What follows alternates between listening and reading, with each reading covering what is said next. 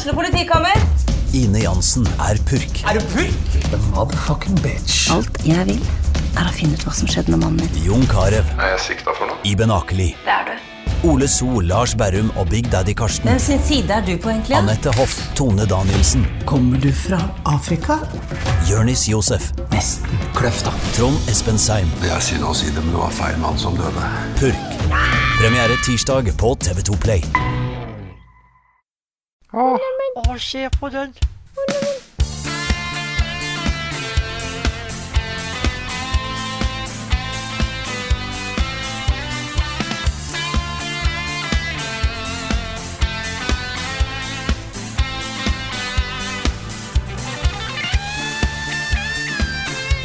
Og hjertelig velkommen til en ny episode av podkasten Level Backup med meg, Frida Danmo. I dag har vi faktisk med oss en ganske eh, stor personlighet, vil jeg si. Det er faktisk ingen ringere, ingen ringere enn hovedpersonen i Baldur's Gate 3, Karl Martin Hogsnes.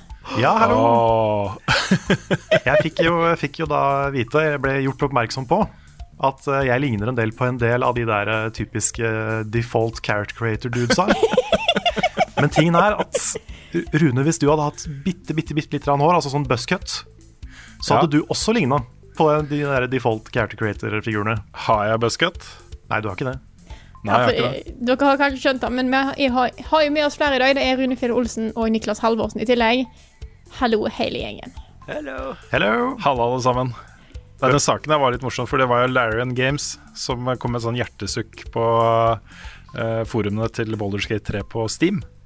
Hvor de la ut et skjermbilde. Her er gjennomsnittskarakteren i Bowlerskate Gate 3. Hva er det dere holder på med, folkens? Dere kan lage liksom de vildeste, kuleste figurene, og så er det en, en eh, eh, hvit dude eh, i 30-åra med litt, uh, litt skjegg og ja, Carl. Ja. Sveisen til Carl, liksom. Det er litt, litt sånn, eh, ikke helt sveisen min, men ikke så langt unna. Så det, ja. Nei, folk er ikke så oppfinnsomme, kanskje. Men det er jo mange som prøver å lage seg sjøl, og det er sikkert ganske mange, mange white dudes som ligner på meg, som spiller Boulders Gate. Ja, ja, ja. Så Ja, det er ja, jo ja. sikkert Det er ikke noe galt i det, altså. Det er Nei, ikke, det er, det er ikke det. det er bare, men det er jo litt morsomt når du kan på en måte lage så mange forskjellige fantasy-raser og så mye kult. Du kan være Mm. blå og grønn, og det er ikke måte på. Så, så er alle, alle meg. Er det jo en Vi har mye å snakke om, vi må gå litt videre. Ja, vi må da. Eh, jeg, jeg, jeg begynner fordi at jeg er viktigst i denne podkasten. Jeg har fått meg ny PC! Det har du, ass. Oh, og det er jo ikke jeg som eh, jeg håper jeg skal stå for æra for den. For den har jeg jo fått av dere. Det har du. Ja, av oss og da indirekte eh, de som backer oss på Patron uh, osv. Støtter, ting, støtter ting de gjør på Twitch. Vi eh, hadde litt uh, penger til overs og tenkte vet du hva, nå fortjener Frida For- Hva er det du sitter på? Er det sånn her um, uh, Den Den er fra treboks 90, 98, Det er liksom? sånn, det er en sånn brødrister som kan kjøre Doom. Ja, du Er vet, du vet den, sånn? du vet den Ja. fine sånn der lysegrå fargen som de hadde, men den er blitt gul? Ja. Sånn. Ja, nettopp. Ja. Nei, men du har fått Ja. en PC, og det, det er jo Vi fikk jo en um, veldig, veldig veldig hyggelig pris av uh, Digital Impuls på en sånn demomaskin som de uh, har bygd, da. Som er råbra. Det er en kraftig maskin. Det er jo ikke Det er ikke det nyeste skittet, liksom. Det er ikke en 30-seriekort, f.eks. Men det er en sånn råtass av en videoredigerings- og spillmaskin dette er allikevel, fra forrige generasjon, da. Uh, 20-serien, som er kjempebra. Mm. Ja, er herregud, å få en oppgradering fra det Nå kommer jeg til å få så mange kommentarer på Specs, så jeg bare sier det. Sånn at det er sagt. Eh, Jeg gikk jo for en, en Den er jo fem år gammel, den jeg hadde. Ingen oppgradering. Jeg tror jeg hadde 16 GB ram. Nå har jeg 64 GB ram, en i9 9900K-prosessor. Eh, 500 GB SSD, 2070 S-kortet. Ja, det var det. Og vannkjøling. det, altså. Det var så gøy å åpne. og sånn, oh, hello, hva er du for noe? Det er så, Så da- deilig å ha sånn stillegående eh, maskin. Mhm. Og det, det var jo eh, Nick som var litt i trøbbel forrige gang. Da vi hadde fireårsjubileum, så overraska vi Nick med ny PC. Og han hadde litt, eh, litt eh, hardware emergency. ja. Så eh, det var litt så hyggelig at vi, at vi endelig kunne gjøre det med deg også, Frida. Det var utrolig, utrolig hyggelig. Da, nå sitter jeg og eh, Nå sitter jeg liksom opplever hele den biten som er at jeg, jeg har ingen program. Jeg Nei. har ingenting. Jeg er ikke innlogga på noe som helst. Jeg skal bare redigere et eller annet bare sånn Nei, jeg har ikke Word. Jeg har liksom Det er null. Eh, det er alltid du må sånn. regne med at eh, PC-puberteten varer i hvert fall en måneds tid. Ja. Ja, Eh, og så er, liksom, da er PC-en voksen, og da kan du bruke den som vanlig. ja, ja ikke sant. Hva heter den? Har du gitt den navn? Nei, jeg har, jeg har vært veldig lite på med å gi navn til tingene mine. Eh, så der har jeg ikke noe forslag. Nei. Har ikke tenkt på det. Kanskje hvis noen som hører på, har forslag. Ja, skriv det i kommentarfeltet. Ja. Bare du kjøre på. Mm. Den er svart. Den er svart. Nice. Nei, men uh, Takk igjen til uh, Digital Impuls for den hyggelige prisen her. Det er, uh, vi har jo ikke råd til å meske oss med det feteste av det fete, liksom. Så eh, veldig, veldig ålreit at vi kan få bra arbeidsverktøy å sitte med, alle sammen. Så du fikk jo også PC tidligere i år, eh, Nick. Nei, jeg sa til EOWin. Ja, ikke sant? Så um, eh, nå er vi good to go, liksom. Det er kjempebra. Og så er det som er jo bra, er at nå har jeg den klar til helga. For hva skjer i helga, Carl? Nei, hva skjer i helga? Vi skal eh, streame litt, da. Ja. Bitte litt. Litt grann. Fra lørdag klokka 12.00, altså midday 12.00, ikke, ikke midnatt, til søndag 12.00. Så vi skal streame i 24 timer. Så vi, det blir sånn stafettstream, da, sånn at vi får, vi får noen pauser innimellom. Mm. Eh, men det skal være kontinuerlig stream. Rett og slett fra, da, fra, fra dagen på lørdag til dagen på søndag. Ja. Og det blir eh, Fall Guys, det blir litt Among us, det blir litt uh, Hades, litt uh, Dark Souls speedrun med Svendsen. Midt på natta. Midt på natta, Ja. så for alle, alle dere nattugler som er litt sånn som Svendsen og meg, kan dere kose dere med Dark Souls eh, natt til søndag. Og det blir, eh, hva mer blir det? Det blir Monopol, selvfølgelig, for det må vi spille. Det kom et nytt eh, Jackbox i dag, tror jeg, Ja. som vi skal teste ut. Og eh, eh, ja, Frida, du skal spille Celeste. Nick skal spille Ori, Ja. altså Ori and the Will of the Wisps. Rune skal spille Atlantis DLC-en til Assassin's Creed. Gjett om jeg gleder meg. Det var det jeg kom på sånn i farta, men det er flere ting. Ja, for jeg skal spille blant annet eh, Endelig faktisk begynne på Witcher 3 Blood and Wine. Det skjer søndag morgen. Ja, etter, etter min Vi tar liksom morgen... eh, vi, vi voksne fornuftige, vi tar morgenøkten, eh, liksom, Frida. Ja. ja.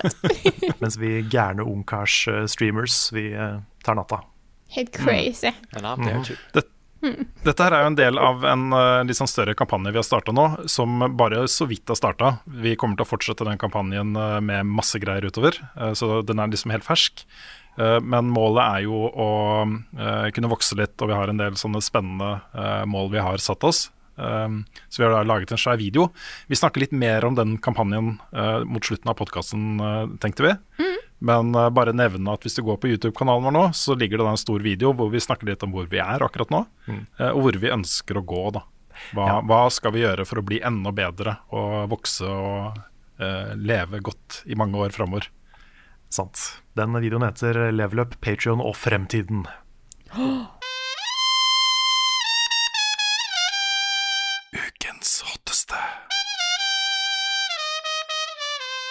Og ukens hotteste er en eh, Vel, tilhører en liten sneak en eksklusiv look, som det heter så fint, som jeg nettopp har sett på forhånd her. Eh, det blir mye åing, det blir mye ang. Eh, dette er altså da eh, Spider-Cat eh, i Sp- Spider-Man Miles Morales. Oh. Ja, Dette er da Game Informer som avslørte at, eh, at eh, Miles Morales får en eh, kattemedhjelper i spillet. Som er med og fighter, liksom. Han kommer ut av sekken med sin egen sånn Spiderman-maske og gjør finishing moves og sånne ting. Det er bare helt nydelig, altså. Tenk å Det er fantastisk. ja. Det er jo- det, det så, Hvorfor har ikke flere Ja, spill katter som hopper ut av sekker og, og hjelper deg å slåss? Ja, det er sånn. Men det er første gang, jeg tror det er første gang jeg kommer på at jeg har hørt en katt male i et spill. På den måten. ja. Det var veldig fin Next sånn, gen, vet du. veldig fin sånn sånn Ja, malelyd. Mm, det er pga. SSD-en. Ja, Ja, mm, mm. Mm, så og så mange mal per sekund. Men det var, det var litt morsomt når jeg så Fordi jeg så den videoen her eh, tidligere i dag, så var jeg sånn Jeg vet at det er en av oss som gleder seg skikkelig skikkelig mye til uh, Spiderman Miles Morales, og som også ga det forrige Spiderman ti av ti, og som er fryktelig glad i katter. Niklas, hva tenkte du når du så den, eh, den videoen her? Fordi jeg hadde hørt rykter mens jeg, jeg var litt sånn opptatt den dagen med å redigere. Så jeg hadde hørt rykter av Spider-Cats. Um, og jeg ble litt sånn derre Da er det snakk om noe multiverse-greier, for det er jo faktisk en Spider-Cat i dette multiverset til Spiderman. Som blir bitt av en radioaktiv edderkopp og får spider-powers, som faktisk Ja, den er jo med den derre eh, Hva heter det? Into the Nei, hva heter den eh, tegnefilmen? Jo, Ja, Into the er Spider-Verse. Spider-Cat er vel ikke med der, er det? Nei, nei, det er en sånn tegneseriefigur. Ja, det er Spider-Pig. Spider-Pig er det selvfølgelig, ja. Jeg bare av dyr. Spider-Ham er det. Spider-Pig er han i Simpsons. Just whatever Spider-Pig does. Ja. jeg, jeg, jeg visste ikke at det var ekte før jeg så tweeten fra Rune. Nei. da fikk jeg sånn Vent litt, it's real? OK, jeg får se hva, får se hva det er, da. Og, da, og det, var, ikke- det var ikke Spider-Cat, men det var en spider-kattepus Ja. som heter Spiderman. Mm. Um, og, jeg, jeg, og jeg tenkte jo sånn at jeg sa jo ganske tidlig på året at jeg tror uh, At jeg tror Cyberpunk kanskje blir Game of the Year. Jeg sa kanskje det tidlig, men nå er det nå. Så feil kan man ta, da, for nå er det dukket opp kattepuser i Spiderman. Um, nei, det Ja, er resten av spillet kan være eh, ræva, liksom. Det har en katt. Ja. Ti av ti. ja, det er sånn, jo, det var mye mer i den traileren. Bare å, se på animasjonene. Du ser at han er ikke like flink som Spiderman ennå, ikke sant? Så han er litt uh, uerfaren. Og jeg, det så veldig pent ut, og slåssinga var kult, men fy søren, den pusen, ass. Ja. Er, det, er det lite plass på såret etter at de bytta Peter Parker? Nei, nei, nei. nei, nei. Eh, men eh, nei, men jeg, nå gleder jeg meg enda mer til Miles Morales enn det jeg gjorde før, da. Mm. Bare mm. hvor- historien til, Spider, til Spiderman der, liksom. Altså Spider-Pus, Spider-Cat. Men tenk i remasteren så kommer de til å bytte ut pusen Å nei. med en helt annen pus, fordi jeg det var ikke next gen nok. Ja, Den mjauinga den var- passa ikke helt med ansiktsanimasjonene til den katten de hadde valgt. Nei, så de måtte måtte velge en, en eh, helt annen, en siameser isteden. Ja, det er en katt som har bedre beinstruktur for next gen. Ja. Mm. En som ligner Yuri Lowenthal, liksom. Kanskje det er han som maler, at det er han som spiller katten. Nei, Jeg holdt på å si at nei, det fiksa opp ikke ansiktet til Peter Parker, men det er Det er en god start, da. Jeg må jo innrømme det.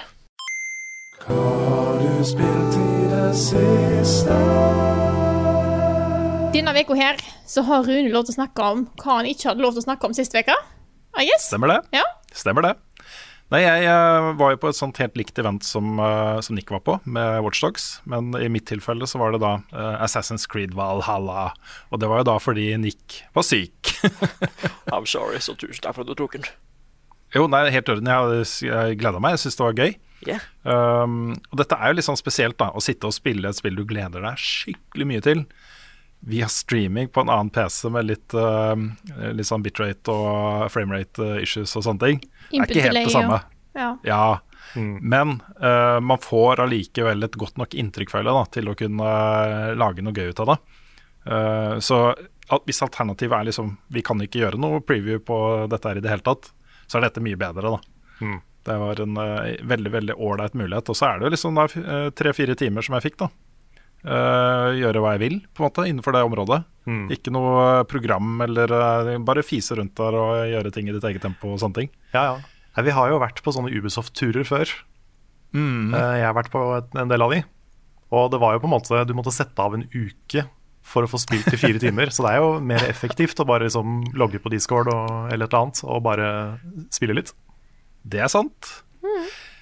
Mitt generelle inntrykk jeg, jeg har ikke lyst til å mene for mye om et uh, spill som ikke er ferdig ennå.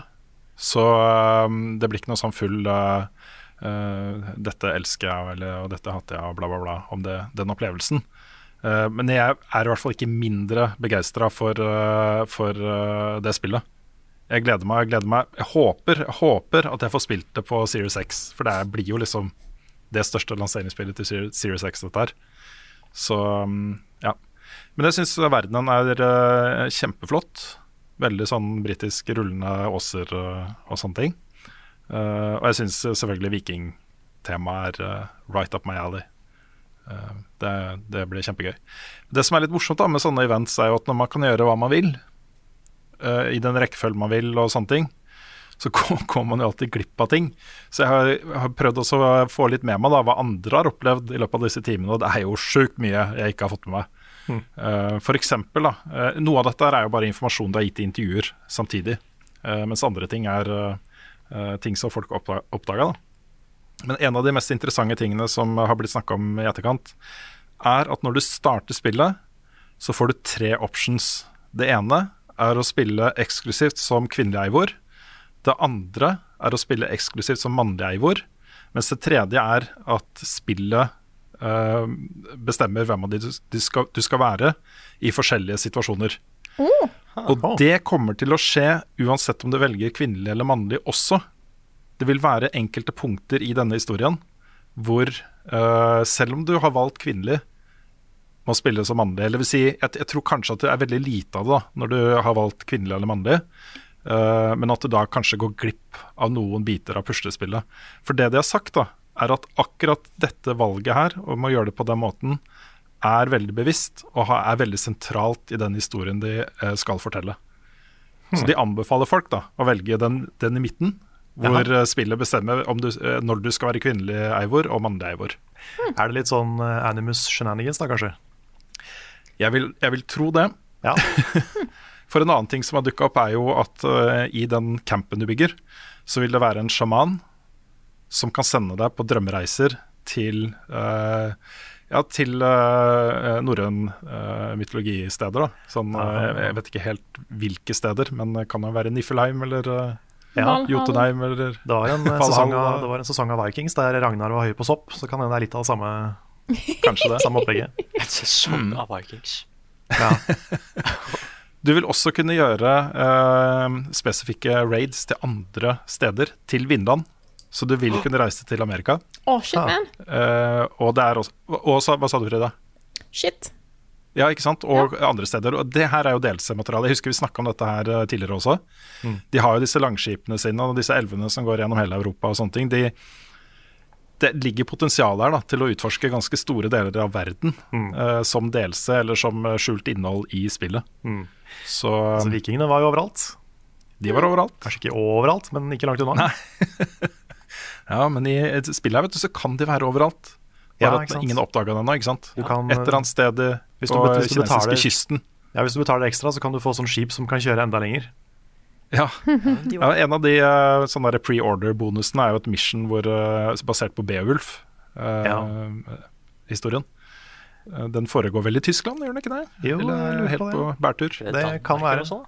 Men det blir jo ikke helt det samme uten Men kanskje over Angelina Danmark, ja. Nei.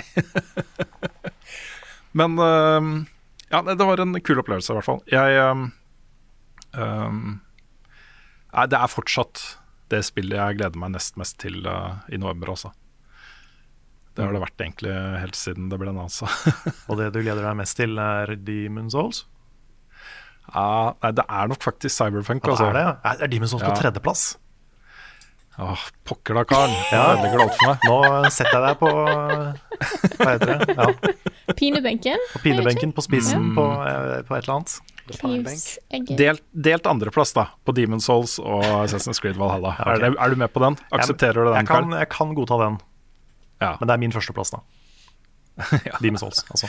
Ja, ja, ok, la du vær så kul eh, du, da. Ja, for det er bare jeg jeg det som tok er jo litt igjen, da. Ja. jeg tok jo litt igjen, da. Jeg vet ikke om du har sett videoen, her, men jeg, jeg fant jo deg, Carl. Ja, du sa det. Ja. Mhm. Og så fant jeg deg, Nick. Ja, det, det stemmer. Ja, I couldn't quite see the resemblance, men, eh, men Nei, det var bare et forsøk på å være morsom. da. ja, Ja, men men jeg, jeg lo faktisk veldig da det skjedde. Eh, For jeg var bare Der er Carl. Og her er Nick. Åh. Jeg må si Nei, liten den, eh, Ja. den eh, siste, eh, siste joken du hadde om at verden er nesten like stor som mora di, den var fin. Mm. Jeg ser nesten jeg. alle kommentarene handla om eh, den, Ja. den ene joken. Ja. ja, Ikke sant, Det fine da med å ta en sånn utrolig teit joke som alle henger seg opp i, er jo at uh, da bryr de seg kanskje ikke så mye om at uh, jeg har missa så mye mens jeg har spilt. ja. Nei. Kan ta på deg businesshatten også. It's good for engagement.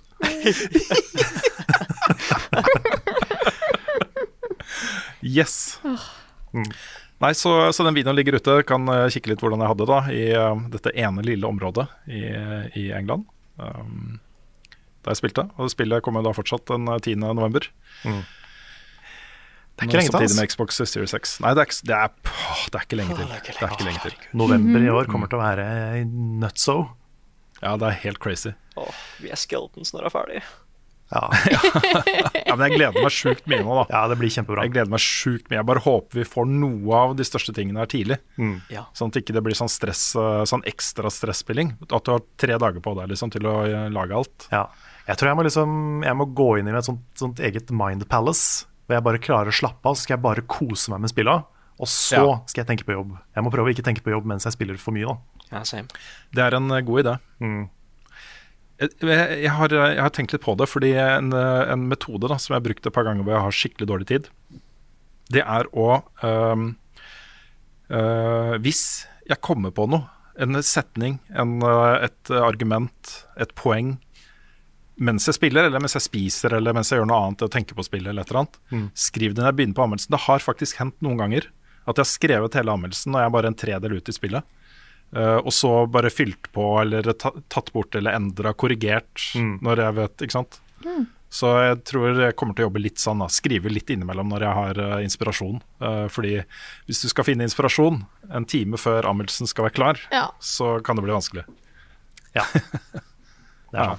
Jeg må nevne en kjapp ting til som jeg har spilt, men jeg har spilt det veldig lite. Så eh, bare Jeg kan ikke mene sånn voldsomt mye om det heller. Men jeg har eh, begynt på Mesmer, dette spillet fra Rain Games i Bergen. Stemmer. Og det er eh, det, det, De har jo hatt store problemer med å fortelle hva dette spillet er. Det, det, jeg syns det er litt artig å høre på dem, fordi de er sånn Ja, vi vet ikke helt hvordan vi skal selge dette spillet her, og vi vet ikke helt hvordan vi skal beskrive det, for det er ingenting annet som ligner dette spillet, og det er uh, bare et helt nytt konsept for oss, og veldig eksperimentelt, da. Det er veldig gøy hvis det hadde Um, er Tetris. ja, det hadde vært kjempegøy hvis det var Tetris. Det er det ikke, da. Um, det overbyggende her er jo at det er en revolusjon i emming. Det begynner å murre i uh, Mesmer, dette landet her. Uh, og det er da knytta til uh, styresettet og kongen, som driver med litt, uh, litt skumle greier som uh, folk ikke vet om. Og så er det da masse sånn type faksjoner i, i denne byen her. Du har liksom banditter og tidligere sjørøvere, og du har fabrikker, og du har butikkeier og eiendomsmoguler og alt mulig rart. Da. Masse, masse, masse greier. Så din jobb, da, det er jo på en måte å styre retningen på denne revolusjonen.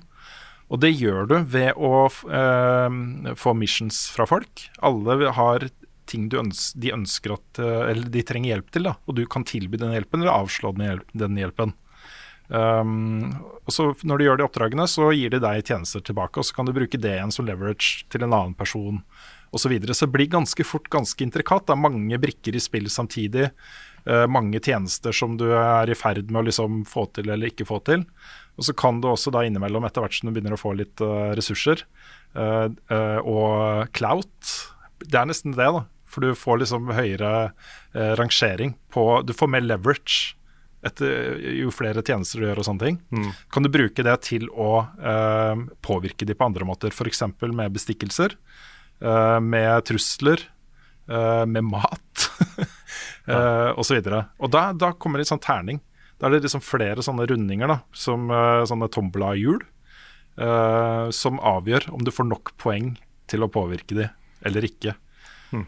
Så det er masse sånne random elementer her. Og jeg tror hensikten med det er rett og slett bare at hver playthrough vil, vil være ganske unik. Det vil være mange måter å navigere seg gjennom dette minefeltet her på. Hmm. Og det er ganske interessant, altså. Jeg, jeg, syns, jeg hadde litt problemer i starten med å bare forstå konseptet. Men etter hvert som jeg skjønte det, så, så gikk det mye lettere.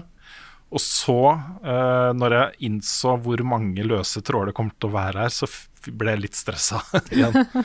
så vi får se hvor mye jeg får tid til å spille det. Det er så mye annet som skjer nå. Men eh, det er et veldig interessant spill også, så eh, hvis folk ble litt nysgjerrig av disse tingene og liker å sitte og liksom drive med litt sånn sosial manipulasjon og sånne ting, så kan dette være et bra spill. I, i spill? Ja, I spill. I spill. I spill. I spill. Mm. ja, det høres interessant ut. Litt sånn chaos Chaos is a ladder the game. Mm -hmm. Ja, det er, du er litt Littlefinger. Ja, er det. ja, det er litt sånn Littlefinger-simulator. Mm. Det er kult. Ja. Ja, skal jeg ta over? Kjør på. Okay. Jeg, har jo, jeg kan jo veldig kjapt si aller først at jeg har ikke slutta å spille Hades, selv om jeg har fått true ending. Det spillet bare Du har ikke sagt fortsetter uh, ha det til Hades? Jeg har ikke sagt ha det til Hades. Hei, hei. Um, for det fortsetter jo bare å komme nye ting. Jeg unlocker nye våpen, jeg unlocker nye storylines og sidequester og sånne ting. Så det er liksom alltid mer, da.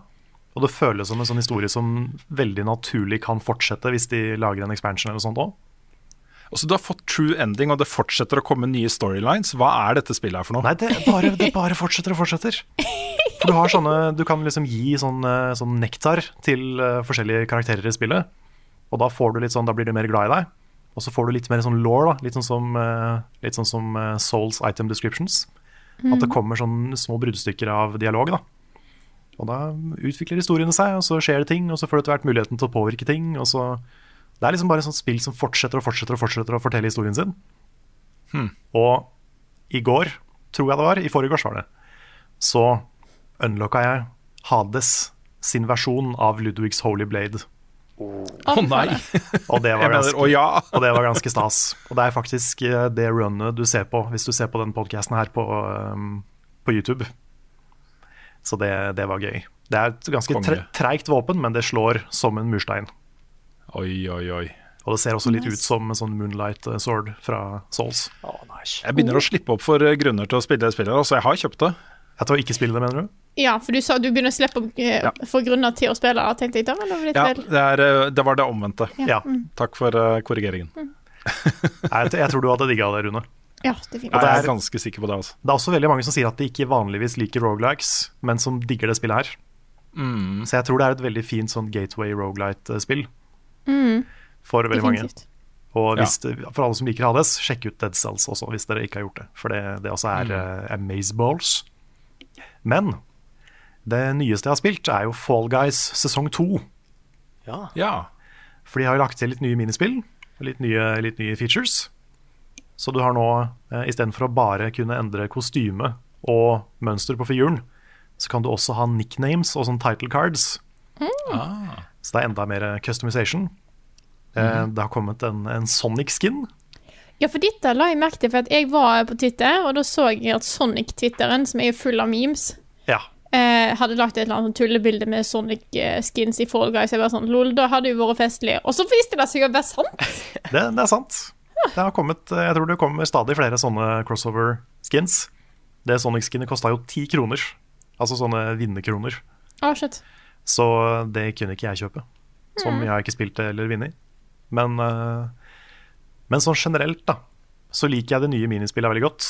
Den, uh, det er en sånn um, Jeg har ikke testa alle ennå, jeg har bare testa to av de, for de er veldig sjeldne. Jeg tror det er fire Er det ikke bare tre nye? Jeg tror det er fire nye. Okay. Men uh, det er bare to av de jeg faktisk har fått. Og jeg har spilt det ganske mye, ja, så jeg er litt skuffa over at ikke de kom oftere. Men de to nye jeg har spilt, har vært veldig bra. Det ene er det der hvor du skal bevege klosser, og så stable de oppå hverandre for å liksom komme deg over en mur. da. Og det er kjempegøy, for det blir så kaos. og, og, du ser liksom Det er den der konflikten med skal jeg samarbeide med de folka her for å lage en trapp, eller skal jeg prøve å bare gjøre et vanskelig hopp og så bare si fuck dere? Og det er mm. sånn konstant ting du går og tenker på, da. ja. Fordi du vet at alle de andre kommer til å være sleipe, så du må nesten bare prøve å, prøve å være litt, uh, litt kjip, du òg. Mm. Uh, og det andre er en litt mer sånn hardcore hinderløype. Med sånne middelalder uh, Hva heter det? Ikke sverd, men sånne sager som går fram og tilbake. Ja, sånne mm. økselignende greier. Ja, ja, sånne økser. Sånne um, prøver å ikke si Dark Souls, uh, Sense Fortress type Nei, ting. Men det, jeg skjønner, ja. Sånne som var i ene plassen i Luigi's Mansion 3. Ja. ja. Sånne Luigi's Mansion-økser. Ja. Som går fram og tilbake. Og så har du masse forskjellige uh, ting. Altså, det, er mye, det er en mye vanskeligere hinderløype enn det de andre er. Syns i hvert fall jeg, men du kan jo bli god i den òg. Uh, og så har de oppdatert uh, en del av de gamle uh, minigamesa med litt, eh, noen av de har blitt vanskeligere, noen av de har fått eh, nye sånne obstacles. Du har den som de kaller for Big Yeetus, som er veldig, veldig morsom. Fordi den det er, det er litt sånn risk reward-opplegg, hvor du kan uh, posisjonere deg riktig da, for å bli slått i ryggen, så at du fiser framover. Men det skal jo litt til da å sikte ordentlig og, og treffe det du vil. Så du har den der Fall Mountain helt på slutten, hvor du skal prøve å grabbe krona. Hvis du er heldig, så kan du jo faktisk eh, få et uh, slag i ryggen som sender deg helt opp til krona. Hmm. Oh, Men det, det, skal jo veldig mye til å få til, da. Ja. Så um, jeg syns liksom Det gjorde jo Fall Guys gøy igjen. Uh, for jeg, jeg var litt lei etter å ha spilt de samme spillene igjen og igjen. Men, eh, men jeg er litt skuffa over at ikke det var flere minispill. At, at sesong to ikke var en enda større greie. Mm. Det virka som det skulle de være en ganske svær uh, update.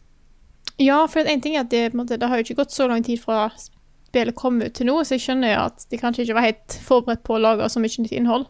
Men når de først har kalt det Mm. sesong to, så Ja, og de har jo, du begynner jo på level 1 igjen, og du har masse nye rewards per level og sånne ting. Så det er jo Mm. litt som en sånn Fortnite-sesong. Men uh, Nei, jeg vet ikke. Jeg hadde, jeg hadde kanskje håpa at det skulle være enda litt freshere da, enn det det var. Men uh, absolutt noe nytt her. Så hvis ikke du har spilt Fall Guys siden launch, så er det verdt å hoppe inn og se hva som er nytt. Spille til du går lei. nice. Og du, Nick?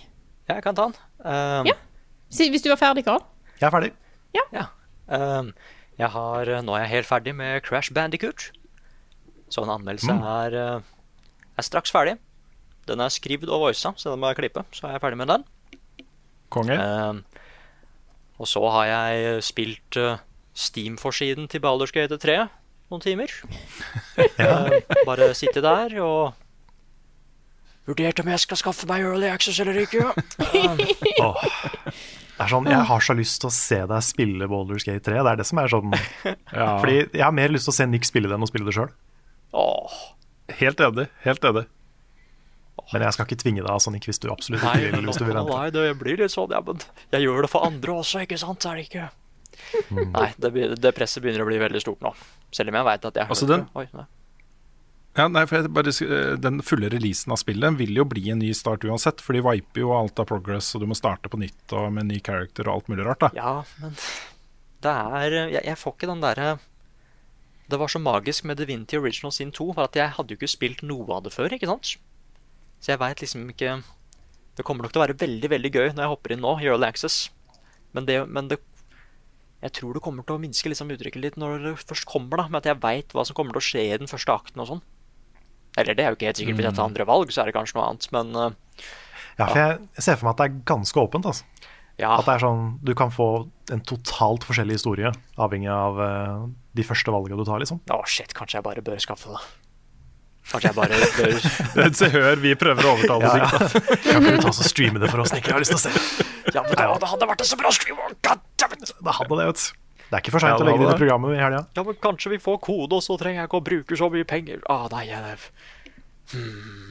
Ja, stemmer det. Det koster litt, men altså, vi, vi hadde spandert uh, Wallers Gate. Det er klart du hadde spandert det, Nick. Ja, ja, ok, ja mm. Nei, den er ikke enkel, den her, altså. Eh, Jeg ble også litt Peer redd. pressure midt i en podcast. ja. Jeg ble også litt redd når jeg så bare at eh, folkens, vi har dårlige nyheter.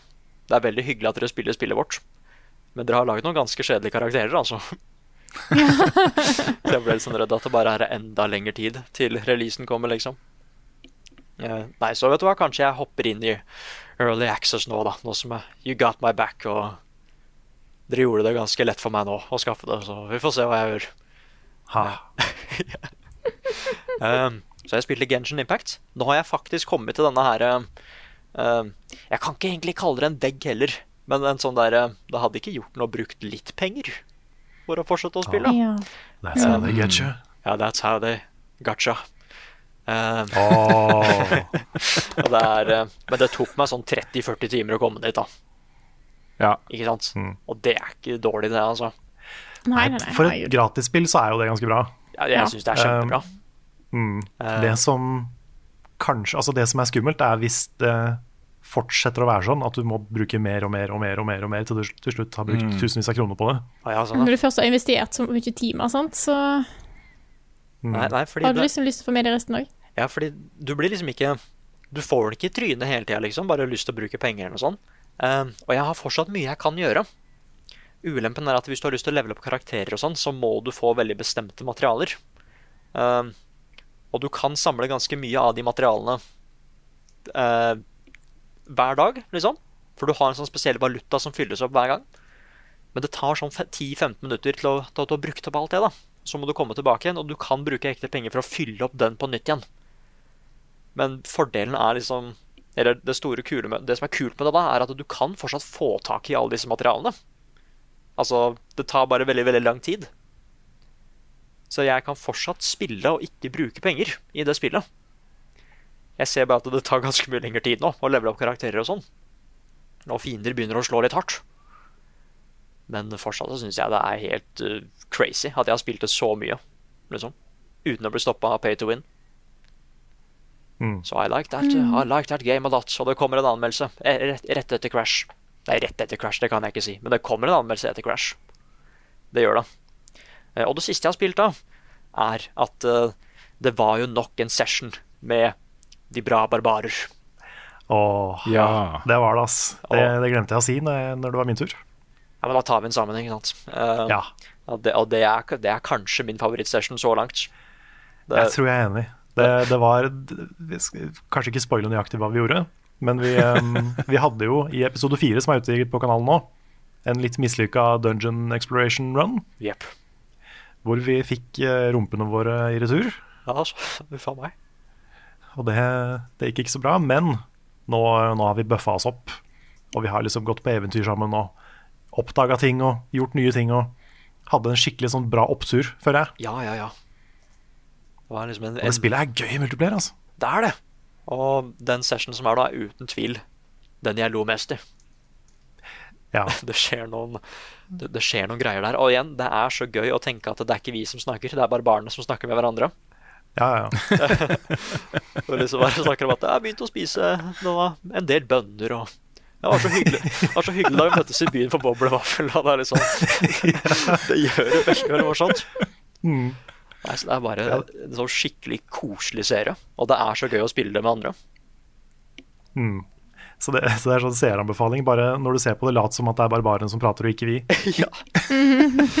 ja men, men, men det er Begynner å krangle med eplekake og Ja, men, det- men det er liksom det, Dette er også en av de store grunnene til at jeg ikke er så fan av webcams til tider. For det er mye mer morsomt å tenke at jeg er den karakteren. Mm. Ansiktet mitt er ansiktet til karakteren. Og, ja, og Ja. igjen, ja, når vi begynner å snakke om eplekake og at du ikke skal ha for mye ketsjup på maten og sånne ting Hva slags serie er dette her? Jeg vil ikke få sett dette her, jeg. Etter at vi liksom har snakka om bare åssen får vi slaver og sånn. Nei, jeg veit ikke. Nei, det, er, det er kjempemorsomt. ja, Det er noe av det teiteste jeg noen gang har klippet. Jeg har også, jeg har også vært veldig barnslig i klippen. Ja, for jeg har sett, eh, Du har sendt meg litt snaps av klippinga, Ja, og det ser jo ut til bare å være det, der, det rareste, men festligste jeg har sett deg klippe.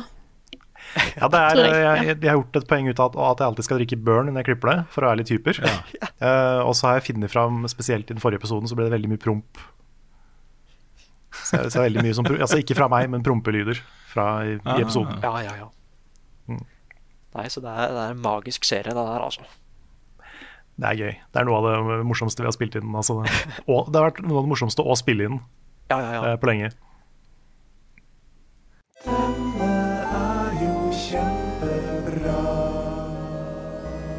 Ukens anbefaling.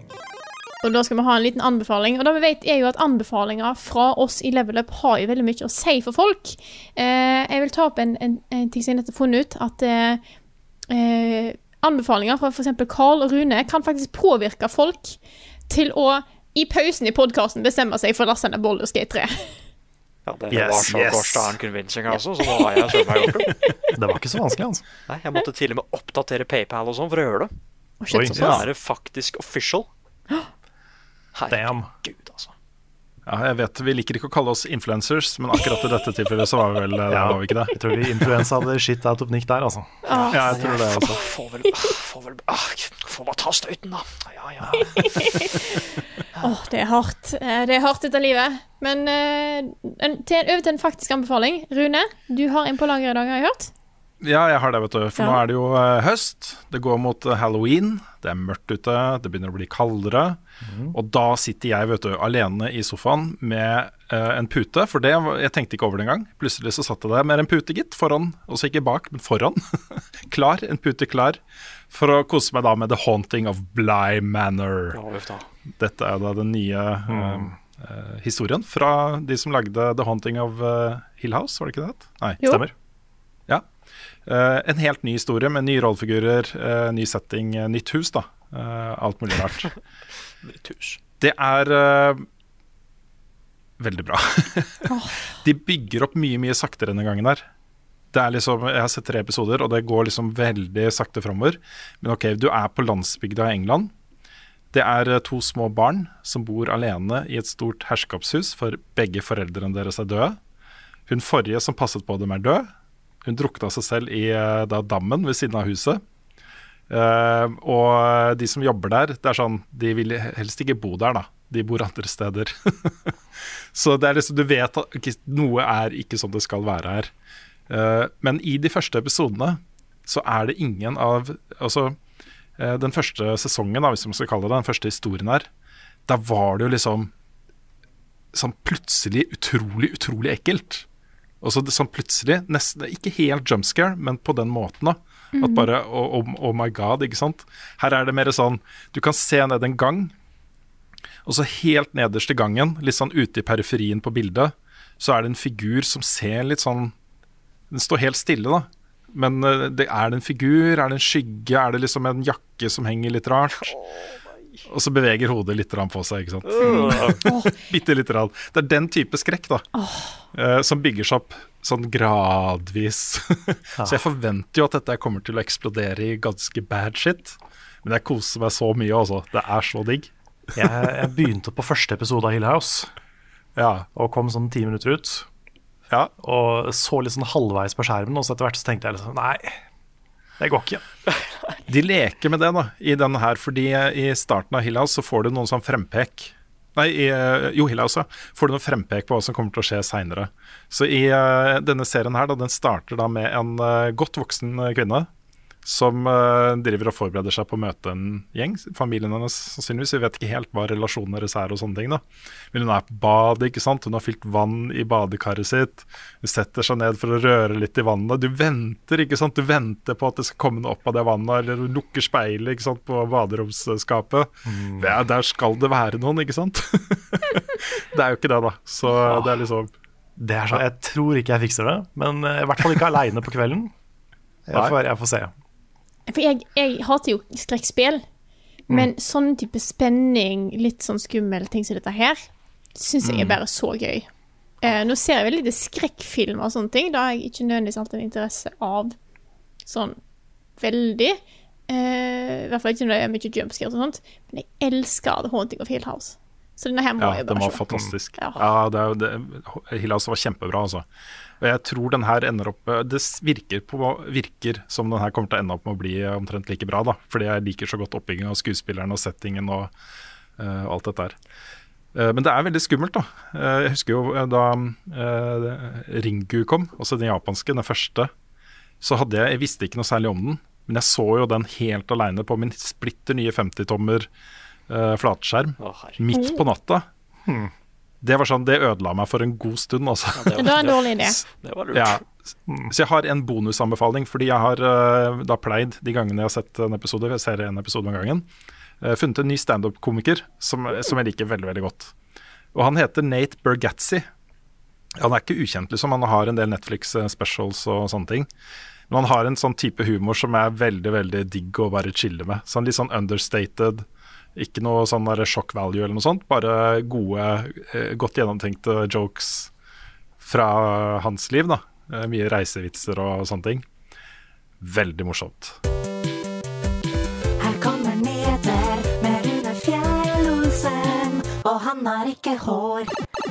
Jeg må jo begynne med den soleklart største og beste og hotteste nyheten eh, fra uka som har gått. Det er ingenting som er større. Det er ingenting som kommer i nærheten engang Destiny 2 får Field of Use-slider på konsoll. ja. Det gjør det, ja.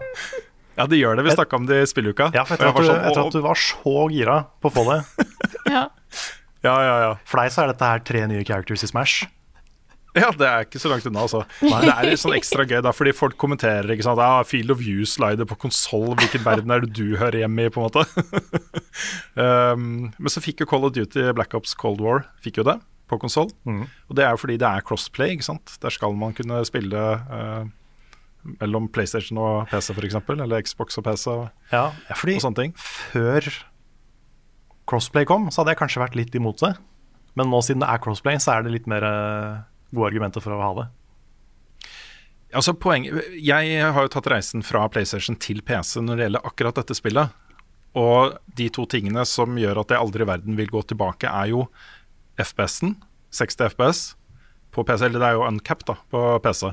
Mm. Uh, men i hvert fall 60. Skjermen min er 60 hertz, så jeg får ikke mer ut av den.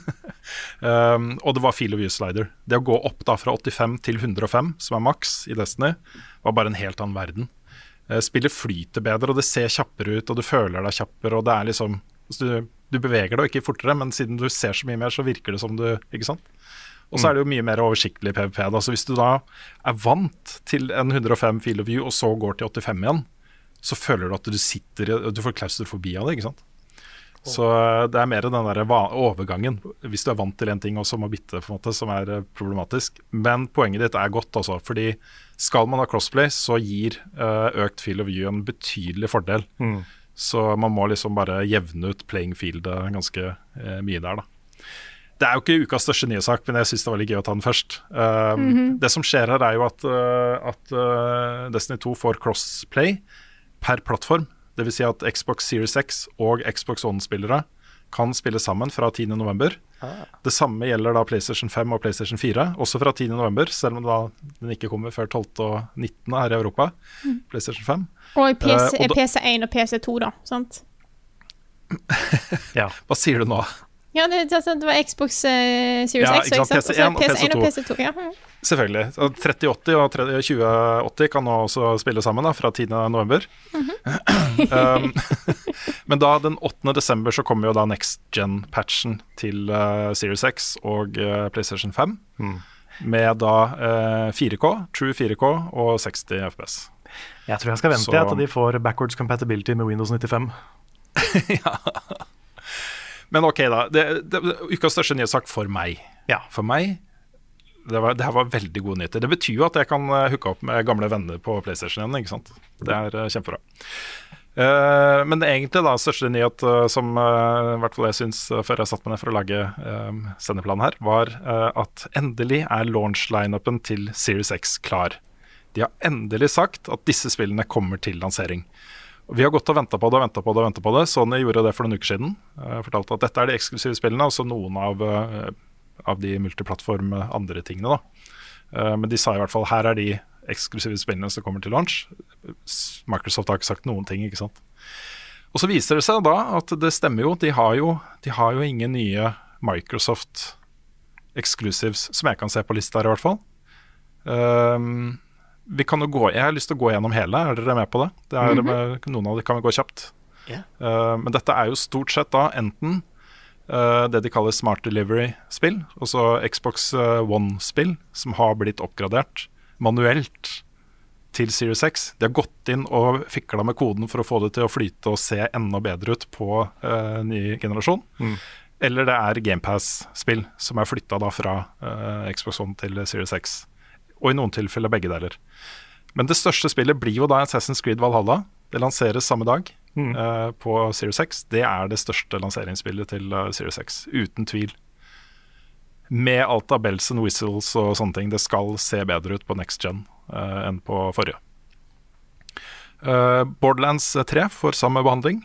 Um, skal vi se Jeg hopper over noen. Devil May Cry 5, Dirt 5, um, Fortnite, Horza for Horizon 4, Gears 5, Gears Tactics, Grounded, som kom tidligere år. Det hørtes litt ut som du sa Horsa Horizon. Forza Horizon.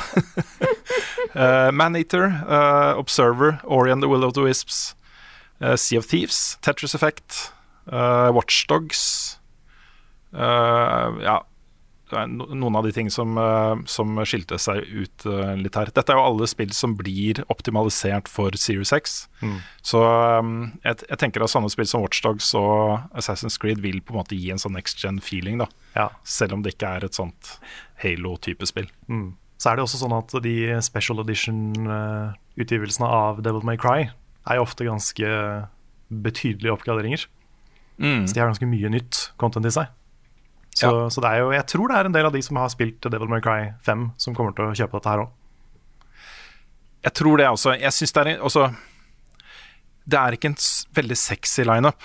Det er ikke en sånn derre uh, Jeg savner Halo her, liksom. Jeg gjør det. Det ble jo utsatt, det skulle jo komme til launch. Jeg savner et sånt spill. Et som er Microsoft e Microsofts eget spill. Mm. Som ingen andre har, som bare kommer der, og som er på en måte liksom fanebærer for en ny generasjon. ikke sant? Jeg men, savner litt den. Men, men, hva med sånn 12 minutes, og de er ikke i launch? Nei, Det står ikke på lista, uh, men uh, neste nyhetssak er jo at uh, det norske spillet Mørkredd blir også et launchspill på Series X, men da i desember. Så man har et sånn launch-vindu her fram mot jul. Og jeg tipper at sånn som 12 Minutes og Artful Escape og da Mørkredd Det er mm. dødskult da for et norsk spill som et launch-spill til en ny eh, generasjon med konsoller. Ja, ja. Det er kjempestilig. Så, så, jeg tipper at det vil komme en, på en måte en ny minibølge da, uh, rundt, også en uke etterpå, liksom. Rundt mm. lanseringen av PlayStation 5 og uka etter der, liksom. Så, så, jeg tror fortsatt 12, 12, Minutes og Artful Escape vil komme ut før jul. Jeg tror det, altså. Men det er, selv om det ikke er en sexy lineup, så er det en, en sterk lineup. Dette er mye bra spill, og særlig hvis du har hoppa over forrige generasjon, eller det er en stund siden du har kjøpt nye spill og sånne ting, og gått og venta og gleda deg til å spille i 4K 60, i noen tilfeller 120. Ori and the Will of the Wisps vil jo kjøre i 120 FPS. Eh, så, så, er det en sterk lineup. Det er mye bra, eh, potensielt bra spill her, og mye spill vi vet er bra, for det har vi spilt. Mm. Og anmeldt og gitt høye terningkast og én eh, av ti scores.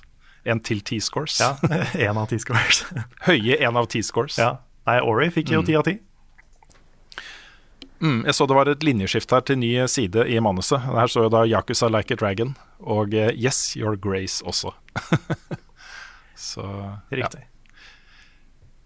Kan du bare nevne kjapt av de tingene jeg ikke nevnte når jeg gikk gjennom. Bright Memory 1.0. Det er jo et uh, uh, kinesisk FPS-spill. Kina tar over overalt her. Mm -hmm. Quiz in Royal. Dead by Daylight. Uh, Enlisted, et MMO squad shooter. Uh, Evergate, som jeg egentlig bare vil beskrive som ikke Ori. det ser ut som Ori, men det er ikke Ori. Ok, sånn ja. Um, ja. The Falconeer, Evergate Jeg ringer dattera mi. Evergate. Um, King Oddball. Manifold Garden det er et veldig veldig kult spill. Også jeg har bare så vidt testa det, men det er kjempestilig. NBA 2K21. Uh, Observer. Planet Coaster, uh, The Tourist, War Thunder, Warhammer, Chaos Bane, Slayer Edition uh, og VRC9 ja. uh, er de som er lista opp. Det er jo det er mange spill. Det er mange spill, og så er jo Xbox flinkere til å faktisk oppdatere de til moderne konsoller enn det PlayStation er. Ja. På PlayStation så vil det jo virker det som da, i veldig mange tilfeller bare få PS4-versjonen uendra. Mm. Selv om du har en boost mode der, så vet vi fortsatt ikke helt hvor mye den kommer til å ha å si. Nei, også det vil jo da i praksis komme 4000 nye spill til PlayStation 5. ja. Fordi eh, de sier det som brorparten av de 4000 PlayStation 4-spillene vil fungere uh, ut av boksen liksom, med en gang på PlayStation 5. Og Det samme gjelder jo på Microsoft sin eh, konsoll. Mm. Så de spillene som er lista opp her, er jo spill som har fått spesiell behandling for lanseringen på Series X. Mm. Så I tillegg til disse så vil jo da hele den resten av biblioteket, bakover kompatibiliteten, blub, være tilgjengelig også, ikke sant. Mm. Jeg kom så. på en ting nå, Frida. Mm -hmm. Det kan jo hende, pga. bakoverkompatibiliteten til Xbox, ja. at Sonic O6 nå kjører bedre. Å, fy fader. Tenk Kanskje om. det vi må gjøre. Tenk om vi kan spille Sonic O6 uten alle de loading-skjermene. ja, og på, og på liksom next gen-konsoll. Ja. Mm. ja. Det er jo noen av disse spillene her hvor de har bare rett og slett oppdaga at bare å flytte det over på ny uh, maskinvare, så flyter de mye bedre. Mm. Og så uh, I koden så står det at det spillet her skal ha stabil 30 FPS, f.eks. Og så har de ikke klart det fordi maskinvaren ikke har vært bra nok. Du har vært nede i kanskje 10, 8 noen ganger, mm. 5. Men at du bare ved å flytte det over, stabil 30 hele tiden, type ting. da.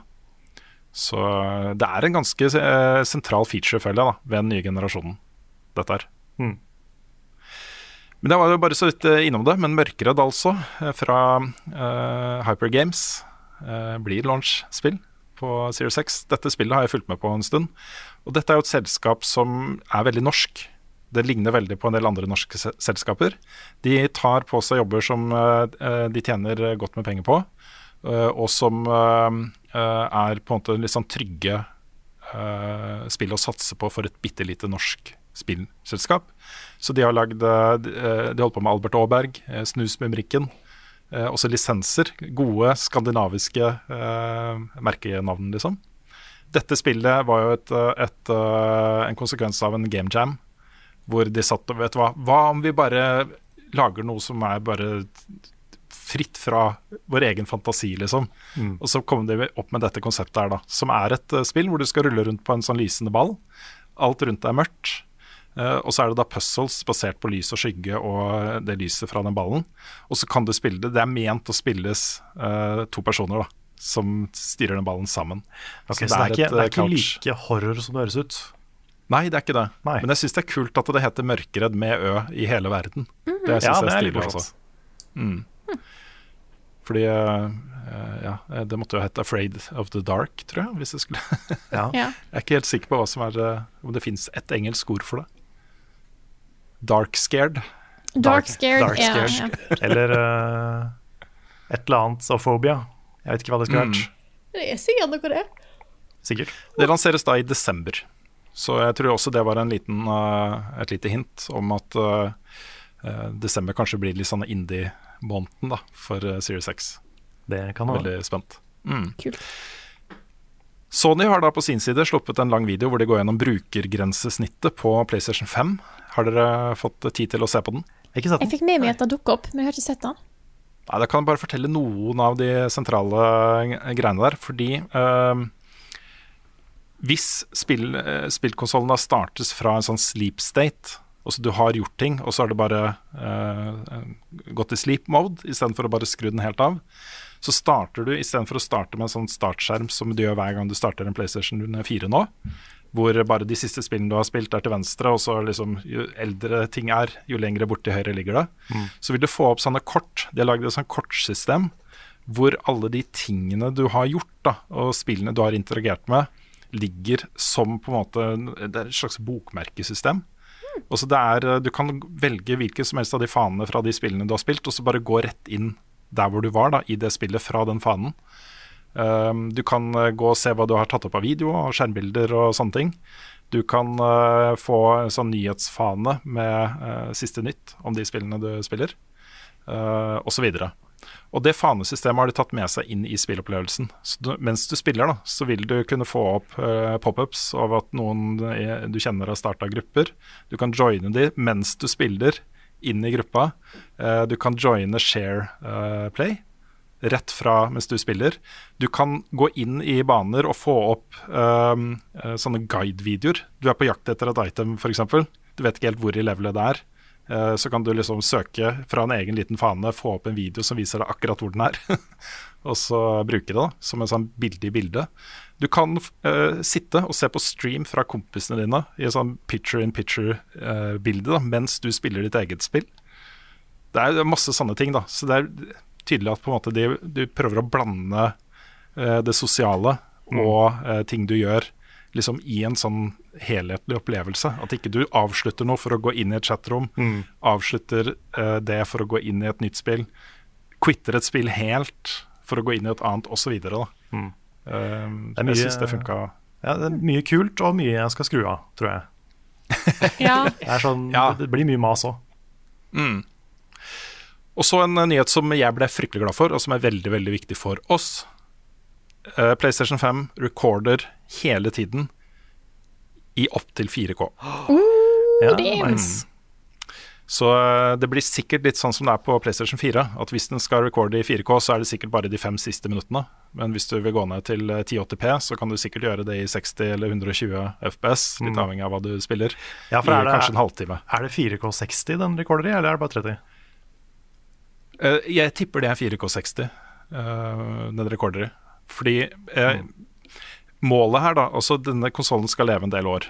Om bare to-tre-fire år så vil 4K60 være ganske vanlig, tror jeg, på YouTube og der hvor folk deler video. Mm. Uh, og jeg tror hvis denne konsollen ikke har muligheten til å uh, hele tiden recorde HDR, også sånn uh, ting, I 4K60 så har de bomma litt, da. Jeg tror det er en option. Uh, men kanskje det bare er to minutter, eller ett minutt, eller jeg vet ikke, jeg også. Uh, men at du vil få den muligheten, er jeg ganske sikker på. Altså. Mm. Jeg så også Alana Pierce, som vi har nevnt før i podcasten, la ut en video i dag, tror jeg, hvor hun demonstrerte at du kunne plugge Xbox Series X-en din helt ut i 24 timer, og fortsatt beholde som bokmerker i spill. Oh. Ja. Det var litt interessant. For det trodde mm. jeg jo var en sånn sleep mode-funksjon, men det tydeligvis ikke, da. Nei da. Nei, det, er, det, er, ganske vilt å se hvor raskt ting starter uh, på disse konsollene her, altså. Det er uh, Ja. jeg tror bare det vil bli en sånn massiv overgang for folk. Mm -hmm. Og en god grunn til å kjøpe disse konsollene. Ja. Jeg så også at uh, PlayStation Store nå ikke var en egen ting du måtte starte opp i, på PS5, sånn at du får instant access istedenfor å måtte vente på den der loading-skjermen. Ja, for den er også ubehagelig å vente på. Noen ganger så loader den bare ikke. Nei, sant. så det, det, er sånne små quality of life-forbedringer som er eh, De har litt å si når de, når de stacker opp. Mm. Men all right, det er ikke så lenge til vi får eh, testa dette her selv, så vi har sikkert mange meninger om det etter hvert også. Mm. Uh, nevne kjapt, det har uh, skjedd en level squish i World of Warcraft. Jeg syns det er et så herlig ord. Level squish? Uh, ja, nå har de alle er tatt ned til level 50. Ja, stemmer, de skulle ja da, ja. ja, ja, ja, det ja, For i Shadowlands så er jo da nye level capen vil bli 60. Så det vil jo si at uh, når folk går inn på karakterene sine nå, så har det jo skjedd ganske mye med skill-trær og hvor mye damage output de gjør og, og, sånt. Men alt har jo blitt scala ned. Så det er ikke sånn at bossene beholder liksom samme HP og sånne ting. så, du kan ta bossene igjen, bare vente sånn Fem expansions til, da går fint. ja, nettopp. Uh, og så er det massevis av trøbbel rundt lanseringen av Oculus Quest 2. Dette er jo det nye eh, trådløse VR-headsetet til eh, Oculus slash Facebook. Mm -hmm. og det, de som har trøbbel, er de som ikke har en Facebook-konto fra før. Ja. Så jeg ser nå det er mange på nettet som klager over at de tenker OK, jeg får vel lage den der dumme Facebook-kontoen, da. For jeg har lyst til å spille på den Oculus Questen som jeg har kjøpt for å spille VR-spill. Eh, så lager de en Facebook-konto, så får de beskjed om at den kontoen er banna, og det er allerede, uh, allerede uh, gått gjennom, den saken, så det kan ikke endres. så sitter de da med en Oculus Quest, de må ha en Facebook-konto for å spille den. Den Facebook-kontoen får de ikke lov til å opprette, så derfor så får de ikke bruke Oculus Questen de har kjøpt. Er ikke dette her herlig, folkens? Åh, dette er akkurat sånn alle håpa at skulle skje da Facebook kom på banen. Ja. oh, jeg hater corporate ting. Ja, men også Når det i tillegg er bugs, liksom. Ja. ja jeg, jeg, jeg, bruker jo Facebook. Jeg er på Facebook. Jeg gjør ikke så mye privat der lenger. Jeg gjorde litt uh, mer av det før. Mm. Nå er det mer en sånn uh, poste kule memes og linker til ting jeg jobber med, og uh, ha kontakt med dere mm. uh, og med level up-seere og lyttere. Mm. Um, men jeg er ikke så veldig glad i Facebook. Og når den nyheten her kom da, om at uh, de på et punkt Jeg tror ikke det egentlig skulle være før neste år, men det virker som de har begynt å innføre det nå. Da, særlig for nye brukere mm. som ikke allerede har en Oculus-konto. Jeg trodde det var lenger fram i tid, at de skulle begynne å enforce den der uh, Facebook. Ja, for jeg tror, det, jeg tror det var i 2021 en gang, som, det, som blir mandatory. da. Du må ha en Facebook-konto for å spille med en Oculus-headset. Uh, mm. Men det, det her også aldri i verden om jeg vil bruke et VR-headset som er så direkte linka til Facebook. Det skjer ikke. Det kommer ikke til å skje. Nei. Det er helt uaktuelt. Så sånn er det. Mm. Mm. Og så går jo det da flere rykter, eh, nye rykter, eh, gjennom sånn klassifiseringssider eh, et eller annet sted. Jeg husker ikke akkurat hvor det var denne gangen. Eh, om at det er en remastered samlepakke med Mass Effect på vei nå i år, før jul. Riktig. Altså kommer mm. før jul, ja. Jepp, november er uh, det, som, uh, det, som, står der, da. Hmm. Jeg er veldig spent på det, fordi det første Mass Effect har holdt seg ganske dårlig. Det er, det er ikke så kult å spille nå, men to og tre er jo fortsatt ganske bra. Så uh, to spesielt er jo en sånn klassiker. I hvert fall blir sett på som, mm. som det. Men jeg tror eneren har holdt seg ganske dårlig. Altså. Så det hadde vært kult om de hadde klart å oppdatere det til uh, Litt sånn som Uncharted-serien gjorde, at du får en del av de nye tinga i de gamle spilla. Mm. Det hadde vært kult. Quiz, for quiz er her. Den kommer nå. Alle blir med, ja, store og små. Og ja, dere hørte rett, folkens. Det blir quiz. Det er quizmaster Karl som er på plass. Det er det. Jeg har ikke fortalt dere hva den quizen her er for noe på forhånd. Har ingen aning. Nei, men vi, vi er jo i en litt sånn businessuke for Level Up, ikke sant? Litt sånn, mm -hmm. vi, vi oppdaterer Patrion, og vi skal ha stream og snakke mye om hvordan det går med oss og business og sånn. Mm. Så jeg har forberedt en quizniss. En quizniss. En quizniss. Oh, Og dette er da eh, rett og slett Jeg har gått på, gått på Wikipedia uh, og søkt på Dette er da ikke lov for dere å gjøre nå, men jeg har søkt på Highest Grossing Media Franchises of All Time. Oi. Oi. Så dette er rett og slett en quiz om hva har tjent mest penger. Oi, oi, oi. Så Nice. er dere klare? Yes. Yes. Det er da litt spill, men, Men det er også litt andre ting. Men Ja. Nei, Hva er reglene? Nei, det er da enten-eller-spørsmål. Ja, men hvem er, hvem får, Skal man si navnet sitt? Eh, skal det gå på rundgang? Nei, jeg tenker dere gjetter alle sammen. Ja, ok, Og de som får riktig, de får da ett poeng. Ja. Så dere må holde styr på deres egne poeng. Jeg har henta kulpen. Bra. Jeg har tatt fram alle fingrene mine. Ja. ja, men det er bra, for det er faktisk eh, Jeg tror det er ti spørsmål nøyaktig, så du har akkurat Oi, oi, oi. Ja, men Da trenger jeg ikke telle. Da får jeg ti poeng. Da er det good. Yes. Ok, da begynner vi. Hva har tjent mest penger? Mickey Mus eller Ole Brumm? Alle å- alle får lov å tippe. Det er et godt spørsmål, fordi at Mickey Mouse er ganske stor, men det er jo Disney i seg sjøl som har tjent mye penger. Men Ole Brumm er jo en ting som har holdt på i sinnssykt mange år. Ja. Mhm. Ja, det har for så vidt Mickey Mouse også. Ja, Mickey Mickey Mouse er jo enda Eller jeg vet ikke hva som helst, faktisk. For Ole Brumm Nei, er ikke også Ole Brumm en del av Disney-universet på sånn Team Parks og sånne ting? Etter hvert, ja, men det er jo ikke originalt, da. Det var jo i bok. Mm. For det er jo, Disney er jo da ikke delt opp i én franchise, det er mange forskjellige Disney-ting. Ja, ikke sant. Jeg tipper eh, Ole Brumm. Jeg ser Mikke Mus. Ja, jeg tror også Mikke Mus. Da ble det faktisk poeng til Rune. Det var Ole Brumm. Det er Ole Brom, ja. Det er sikkert de der Ole Brumm-sokkene vet du, som selger så mye. men, eh, men, det er da, men det er ikke langt unna. Det er jo 76 milliarder versus 74 milliarder.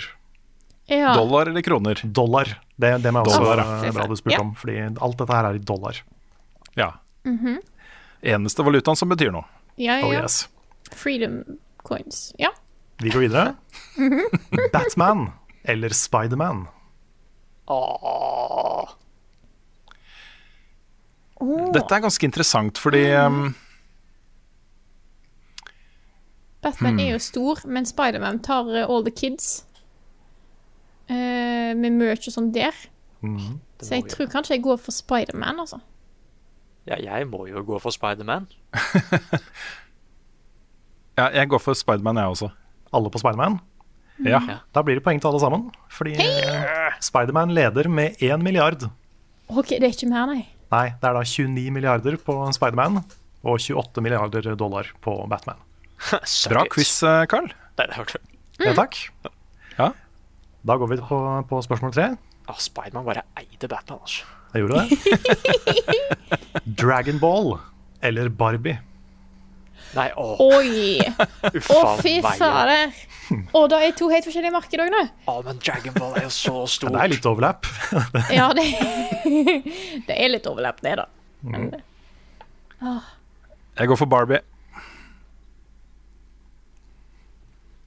ja, det gjør jeg òg. Nick? Ja, men da, Dragon Ball er så stort. Jeg holdt på å si, kom Barbie helt til Japan, liksom? Godt Nei, spørsmål. Dragon Ball. Vi sier Dragon Ball. Ok, dere to på Barbie, Nick på Dragon Ball. Ja, Da blir det poeng til Nick, ass. ja der kan du Du se. skal ikke, skal ikke undervurdere Japan. Uh, Dragon Ball Nei. leder faktisk med 3 milliarder over Barbie. Oi. Det er 27 versus 24. Wow. Dragon Ball er Super Saiyan, så det skulle bare mangle. ikke Ja, jeg, jeg også hadde tippa Barbie, altså.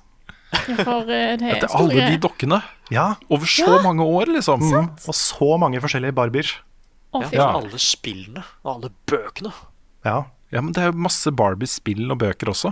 Og TV-serier. men det, er, men og det er noe med manga og anime og sånn. Det, det, bare, det selger så vanvittig mye. Ja, fordi at Barbie Hva er treffer så kilden din, Carl? Wikipedia. Wikipedia. Ja, ok, greit.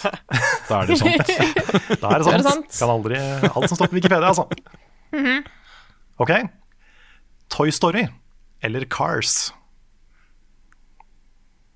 Og den var god. Jeg tror de er neck and neck. Jeg tror det er veldig lite som skiller de to. er eh, Det er min tanke. Jeg har, eh, jeg har et svar, Mm. Eh, men jeg, tror, jeg vil ikke Jeg har vært først de siste gangene, så jeg vil ikke være først nå. Jeg var først forrige spørsmål. Ja, sorry. og så Da kan Barbie først. Da kan jeg være først. Ok, Eh, da går jeg egentlig bare for hva som har vært her lengst. Og det er jo Toy Story. Mm, Men det er like mange filmer, er det ikke det? Nei, Toy Story det har fire. fire. Ja, er det fire Cars-filmer? Ja, men de siste er jo ikke Jo, er det ikke det? Er det, Nei, det er to eller tre. Er det ikke tre? Er eh, Det ble jo etter hvert eh, litt sånn, der, sånn som 'Løvenes konge' fortsatte. Med sånn gradvis dårligere og dårligere spin-offs, liksom. Mm. Um, men leketøymarkedet her vet du, er så sjukt svært. Det er akkurat det. Det er ikke sikkert det er filmene som har uh, mest å si. Nei, Nei, da tror jeg i hvert fall det er Toy Story. ja, jeg, tror, jeg går nok for Toy Story, jeg også. Jeg går for Cars. Ok. Det er poenget til Rune og Nick, fordi det, Det er er, det. det er Toy Story. Men Lyne McQueen var så jæklig svær! Det var Ja. jo på absolutt alt som fantes. Det er helt sant. Men jeg har, faktisk, jeg har faktisk lyst til å gi Rune et halvt poeng til. Fordi han sa neck and neck. Og de ligger begge to på 21,8 milliarder. Oi, What? oi, oi. Så de er så- De er så neck and neck som det nesten går an. Men hvorfor For de var ikke helt like? Nei, det er fortsatt Toy Story som vant. Men. Ja, ja, ja. men det, var så, det var så close. Men the merch The merch. The merch. Her var jeg helt, nå var jeg helt sikker. jeg som er daglig leder i Buffkitten AS, og jeg kan sånne ting. Ja. Ja. Marvel Cinematic Universe eller Mario. Oi! Fy faen den var fin, Carl. Åh. oh, det er et godt spørsmål. Gud, jeg har funnet vanskelige ting her, Carl. Hæ? Å, jeg var helt Eh. Idet du sa Marvel, bare Ja, kom med det Ja, andre. Det må også. være Marvel, liksom. Men uh, Mario holdt på jæklig lenge, da. Det hadde vært morsomt hvis du sa DC Cinematic Universe. Ja, det hadde vært litt mindre vanskelig. ja, ja. Åh, åh, det er et godt spørsmål. Marvel Cinematic Universe. De har generert uh, Jeg vet hva, jeg, jeg, jeg, jeg, Jeg jeg sier Mario. Jeg, jeg tror ikke Marvel øh, er helt der oppe. Nei, Altså. fordi det er Cinematic Universe òg. Ja, altså Ikke med comics, da, men det er Ja. jo med alt, Nei. alt av merch til Marvel Cinematic Universe. da Mm. ja, da tror jeg også det er Mario. Ja, jeg tror det er Mario. Dere går for Mario alle sammen? Ja. Det er riktig. Hei! Mario er større enn hele MCU. Damn. Det er da Mario? 38 milliarder på Mario versus 35 på Marvel Cinematic Universe. Oi, det var ikke langt unna. det, altså. Nei, det var nærme. Yeah. Og neste er jeg spent på om dere tar. Star Wars eller Hello Kitty. Å, det er lure spørsmål, vet du. Da tror jeg jeg tar Hello Kitty. Bare sånn for å ha gjort det. Det er så mye Hello Kitty-merch. Det er så mye. Og det er vel Overalt. kjempestort i Japan? Er ikke det en stor ting? Ja, ja, ja, ja. Det er egne Hello Kitty-butikker i Japan. Egne kjeder Ja, med men bare det Hello fins jo sikkert Kitty-greier. også egne Star Wars-butikker. Å ja. Ja, jeg var i en sånn Hello Kitty-butikk i eh, Tokyo en gang. Det var da tre etasjer med Hello Kitty-produkter. Og det var, det var en sånn Ikea. Altså, de hadde møbler, de hadde klær, de hadde eh, redskaper til kjøkkenet, de hadde såpe, de hadde alt. Alt man kan forestille seg. Liksom, alt var branda med Hello Kitty. Ha. Hvem har vært her lengst? Hvem var lengst, ja? Det er et Hello spørsmål. Kitty er ganske gammel. Ja, men Ja, det Wars er jo Ja. Altså Leketøysmarkedet til Star Wars er jo uh, astronomisk. ja, herregud. Men jeg tror fortsatt det er Hello Kitty, jeg også. Ja. Ok, dere to går for Hello Kitty. ja. Hva med deg, Nick? Oh, jeg tror det er Hello Kitty, jeg òg, men vet, vet du hva? Jeg, jeg sier Star Wars. Just for the heck of it. Da er det poeng til Rune og Frida. Nei, ja! Åh, Fordi Hello Kitty leder faktisk med 16 milliarder. what? Det er eh, 86 versus 70. Ja, nettopp. Det er Star Wars. Det er Star Wars. Men pusen er større. Bare Du ynkelige 70 milliarder, liksom. På den, ja. Ja. ikke sant? Step up your game, Star Wars. ja, Come on. James Bond eller Ringenes herre. Åh, den er så tricky, altså. Der har Mm. du litt mer merch-muligheter med Ringenes herre enn James Bond, men James Bond har vart lenger. Ja, James Bond har, har hatt ganske mange filmer. Her vil jeg gjerne vite om Wikipedia regna med antall solgte Aston Martin-biler. Ja, det, Inntektene fra det det. står det ikke noe om, men det tror jeg ikke. Og Nei. eh, Dry Martini. Ja, og Omega-klokker. Ja. Ja. Altså, det, hvis, det er, hvis det er James Bond ikke. branda, så sikkert. Da regner jeg med de har, at de har uh, tatt det med. Ja. Ja. Den, den her tror jeg jeg veit. Ok, ja, da kan du gå først, da, Nick. Uh, nei, nei, nei.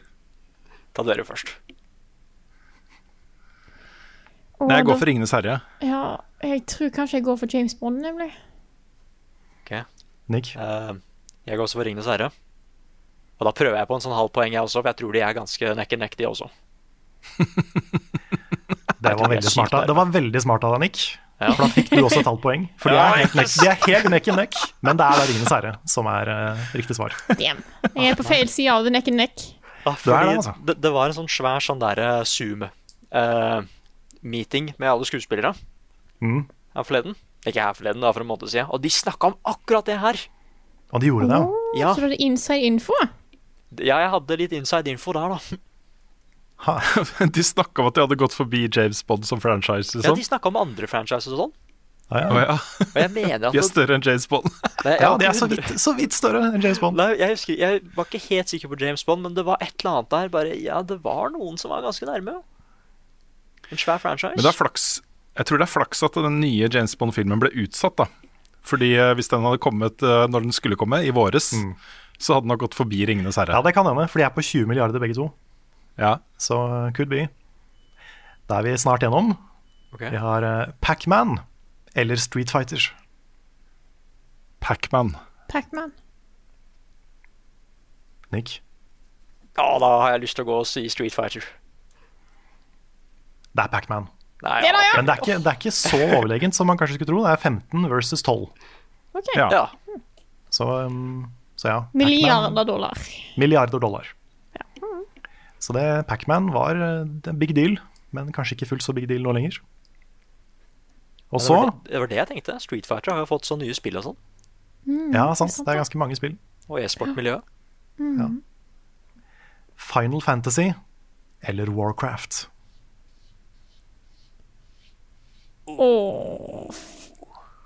That's Da inkluderer du WoW, ikke sant? Ja.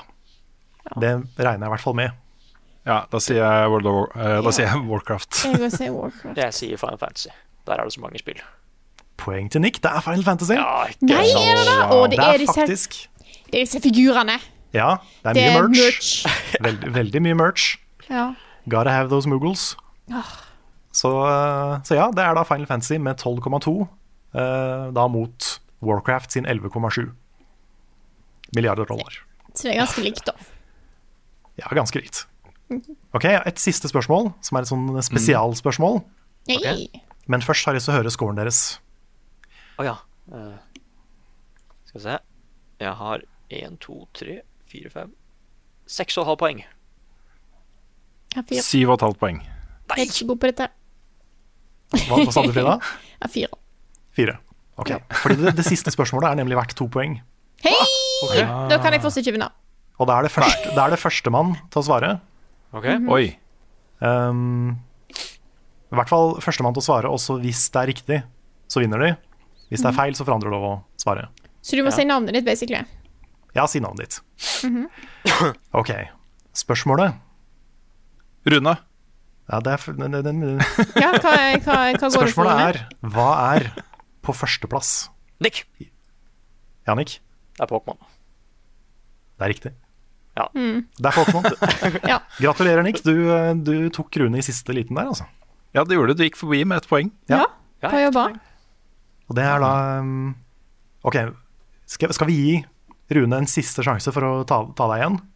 Nei, jeg trenger ikke det. Jo, dere får, jo, vent, dere jo, får, ett, dere får ett poeng hvis dere klarer å gjette ca. hvor mye. Ja, for det, det har aner Rune. Ja, Rune. 130 milliarder. Det er ikke helt poeng, dessverre. Nei, ok. Du, du kan få et halvt symbolsk poeng, for det er 103. Så da, du var liksom du du, 103. Ikke? Ja, OK, for jeg skulle til å si 113. Å, da hadde du kanskje fått poeng. Ja, men jeg fikk ikke lov. Da var, ikke- det var Ja, men hvor, hvor mye er det? Uh. Nei, Carl sa sa det. det Jeg jo. sa det 103. Så, så var bare, det var bare en, sånn siste, en siste mulighet for Rune, men det, da ble det Nick som vant. Mm. Gratulerer, Nick. Gratulerer. Thank you. Gratulerer. Thank you, thank you. Hva er hennes best, hvordan fredagshest har Carl egentlig sopp? Ukens spørsmål. Og vi setter i gang med et spørsmål fra Idyllisk, som eh, skriver Rune, det virker som du er veldig fornøyd med det som skjer med Level Up for tida. Har Level Up kommet seg, enda, kommet seg opp enda et par hakk siden nyåret? Og det som er gøy, er at dette spørsmålet har jo vi fått inn på vår nye Discord-kanal. Hei! Oh yeah. Det har vi, oh altså. yeah. Og Og vi tar sitter jo faktisk også nå på vår, på vår nye Discord-kanal og spiller inn podcasten. Ja da. Ja, det er litt morsomt. Så vi tar Det er opp det det spørsmålet rett og slett fordi at det har jo skjedd litt ting eh, det, i dag for oss. Ja, det har det. Ja. Nei, så det er ikke bare det at jeg har uh, bytta lykkepiller eller um, uh, sånne ting, liksom. Eh, dette handler om jobben vår. Og vi um, eh, I dag, også torsdag, lanserte vi jo det som vi har gjort to ganger før. En, det man kan kalle en patron-kampanje, eh, på en måte. Hvor, eh, hvor målet er egentlig å minne folk på at, eh, at eh, vi er her. Og at eh, det som er grunnen til at vi er her, er fordi folk backer oss på Patron. Vi er jo sammenligna med hvordan det var i VG, så er vi jo bitte, bitte små. Vi eh, har ikke liksom Vi er ikke så store at vi kan bare gå ut og kreve penger av folk og ta svimlende summer for foredrag og eh, hente massevis av eh, annonseinntekter fra YouTube og, og sånne ting. Vi er små, liksom. Um, så Patron er fullstendig kritisk for oss. Uh, og uh, det vi ønsker, og det vi håper skal skje da over tid, er jo at, at eh, det er tallet eh, som man ser på Patron i dag, ca. 1000 backere som donerer ca. 10 dollar i snitt i måneden, eh, skal bli høyere. Så kampanjen er Jeg trenger ikke å gå gjennom alle delmålene, kanskje? Eller skal vi gjøre det, kanskje? Jo, kjør! Ja. Eh, hvor er vi begynner? 1100? Nei, 11 000? 11 000 Bam. på 11 000 dollar. Hva har vi der? Så, Carl? Ja, skal jeg ta det? Ja, kjør. Ja, jeg tenkte du kunne ta det. Jeg kan ta det. Eh, nei, For Yes. 11 000 dollar så har vi jo eh, faste innslag i spilleuka, og det er jo den første nyheten. Eh, eller ikke den første, men den, kanskje den største nyheten som vi kom med i, eh, i denne, den videoen vi la ut. Jon Cato er tilbake. Trollolol is back! Trollolol. Yes. Det er så er fint. jo Ja, nei, vi har gjort, gjort en avtale med Jon Cato. Det var jo kult. Han uh, har jo forlatt spillbransjen, så da kan vi gjøre det igjen. Mm. Og det var sånn, eh, Denne tanken her ble jo født litt fordi, eh, parallelt da, med Patron og med alt annet vi gjør, så jobber vi jo med en profesjonalisering av innholdet vårt. Og kanskje en, til en viss grad litt sånn kommersialisering også. Fordi vi tenker jo at sånn som Spilluka f.eks. kunne jo vært attraktivt for en mediepartner å ha på sine sider. uh, og at de betaler oss for det. Det er en sånn vanlig praksis da, når man lager unikt innhold som ikke eksisterer overalt. Så eh, er det ofte noen har eh, lyst til å betale for å ha det innholdet, de også. Det er sant. Det er også derfor vi har fått eh, støtte fra, fra eh, Fritt Ord. Som, eh, til å kjøpe da, utstyr for 50 000 kroner, som vi nå nettopp har gjort og begynt å bruke. Og hvis du lurer på hvorfor det var eh, litt sånn ekstra fine bilder i forrige spilleuka og i den Patron-videoen, så er det derfor. Det er derfor. Mm. Det er eh, kjempebra, så derfor er jeg glad. Vi har fått det utstyret. vi har brukt 50 000 kroner på utstyr vi har trengt nå i snart fem år. Og de 50 000 hadde vi jo ikke å bruke sjøl, så det at, vi, det at vi fikk de fra Fritt Ord, er jo perfekt. Mm. Men det målet på 11 000, det er jo da at uh, Trollolol fortsetter i 2021, uh, annenhver uke, pluss da den uka som Jon Cato er borte. Så har vi et innslag fra f.eks. fra Nick. Vi er ikke helt ferdig med å diskutere, men det er jo eh, ønsket vårt, da. Mm. Er at Nick og Jon Cato vil alternere i spilluka med hver sine spalter. Mm. To litt uh, forskjellige flavors, Ja, ja, ja. Yes. så det så- blir bra. Ja, så på 12 000. 12 000 så har vi eh, større anmelderbudsjett. Mm. Og det betyr at vi anmelder flere spill, pluss at vi prøver å få tak i noen eh, som kan anmelde det vi er dårlige på å anmelde sjøl. Ja. Sånn som Mobar og sportsspill og de, de liksom åpenbare høla som vi har. Mm. Så det er målet vårt der. Og det koster litt penger å anmelde spill. Det, er, eh, det tar lang tid å lage en videoanmeldelse, så det, det må vi liksom Vi betaler ikke så godt for det som det fortjener, men vi betaler i hvert fall noe for det. Og det, vi, Ja har, det. vi har dobla beløpet også nå, siden, uh, siden det var veldig lavt før. Mm. Så nå er det dobbelt så mye betalt for, for anmeldelser. Jepp. Så det Og så ehm, 13 På 13 000 så har vi en ny produsert sesong av duellen. Mm. Fordi det er gøy å lage dueller. Uh, vi har gjort det litt sånn fra hofta etter at vi gikk inn dem med sånne jubileumsstreams og sånn. Men det var litt gøy å gjøre det sånn som vi gjorde i VG. Uh, altså ikke de første sesongene, men den siste spesielt. da Vi hadde Hasse Hope, og vi hadde liksom en sånn storyline rundt duellen. Mm. Så det ble litt mer et show. Og det har vi lyst til å gjøre igjen. Så det er ikke sånn at vi, vi trenger 13 000 dollar for å spille spill mot hverandre. Det er ikke det som er målet. Det er mer den der produserte serien som vi har lyst til å lage, da. Ja. Uh, og så Det er også, jeg vil bare nevne, det er også et lite hint om, uh, om uh, noen tanker vi har. Fordi på et eller annet punkt nå ganske snart skal vi sette oss ned og på en måte tegne Level Up 2.0. Og mm. beskrive liksom hvordan vi skal satse i årene framover. Og en av de tingene vi snakker om å snuse på, er jo å tenke litt mer sånn sesonger, produksjoner. At man lager på en måte eh, at innholdet vårt ikke blir så flytende, da, men at det pakkes inn i f.eks. en sesong med duellen på x antall episoder, som kommer som en egen greie. Um, og det er flere av de tingene vi lager som vi kunne gjort det med. Det er sant. For vi har jo sesonger av spilluka, i hvert fall litt løse sesonger. Mm. Og vi har, hadde sesonger av 71 grader no scope. Så Jepp. At vi tenker litt mer i de banene der. Så eh, jeg tror kanskje litt den strukturen kan være bra for oss også. Mm. For da Nå er det ofte sånn at man sitter med et sånt press over seg over å lage alle spaltene hele tida. Ja, det er akkurat det. Mens det, hvis vi har litt mer planer og litt mer struktur på det, så tror jeg det kunne vært bra. Ja, hvis vi vet vi skal lage eh, syv episoder med duell, f.eks., Mm. så kan vi ha en preproduksjonsperiode på to uker. Hvor vi Ja, er sitter og lager eh, ting klart. Nettopp. Og hvis vi skal samles fysisk, så kan vi spille inn veldig mye på en gang, f.eks. Nettopp. Så um, sånne ting er veldig, veldig greit. Mm. Og så er jo da uh, målet på 14 000. En sesong igjen av klassikeren. Yes. Ja. Fordi, og det gikk vi litt inn på i videoen, men eh, vi er jo kjempe, kjempeglade i å lage klassikeren. Det er jo sånne eh, innslag hvor vi bare tømmer oss emosjonelt for gamle spill vi er glad i. Mm. Trenger ikke være kjempegamle. det. Vi har jo tatt opp LA Noir og sånne ting som er eh, etter 2010, liksom. Mm. Men eh, spill som ikke er liksom i nyhetsbildet lenger, da. Så det har vi lyst til å lage mer av, men det koster oss en anmeldelse hver gang vi gjør det. Det tar like lang tid, hvis ikke lengre tid, å lage det enn å lage en anmeldelse. ja, gjerne mer. Ja, vi skal gjerne gjøre litt ekstra ut av det. Mhm. Så det er grunnen til at det er så vanskelig å prioritere det, sånn i, i, til hverdags. Er, alt, alt henger jo litt sammen her, ikke sant? for det også er en sånn sesongtankegang. For da kunne Mm. vi kanskje ha to sesonger da med klassikeren, hvor uh, syv av oss lager hver sin klassiker. Og så går det i syv uker, og Mm. så uh, har det vært den greia, liksom, de syv ukene. Og så kommer det kanskje en ny sesong, da. Uh, til høsten, f.eks. Mm. Ja, sant. Det, det er en fin ordning. Mm, Helt sant. Og så har vi jo hovedmålet vårt. Litt av kanskje hovedgrunnen til at vi launcher den Patrion-kampanjen her, egentlig. Det er jo drømmen om 15 000 og Nick på fulltid. Yes. Og det er fordi det å være, for det første det å være tre personer hadde vært en revolusjon for oss. Det hadde liksom gjort alt mye lettere for oss med produksjon og sitte sammen og jobbe og hele pakka. Pluss at Nick er, et, eh, han er en maskin. leverer så bra, leverer så mye. Um, og er bare Du har blitt et uh, Blitt et uerstattelig medlem, Nick. Mm. Og det har jo du også, Frida. 100% Det er bare det at du, gjør, du tar en doktorgrad på sida. Ja, ja. det på SIO. er er- Ja, på På sida. sida. Tar en doktorgrad på sida. Det Det var, så det var rart formulert, men du tar en, du tar en doktorgrad og gjør levelup på sida. Så Ja, det er derfor det er Nick nå i første omgang.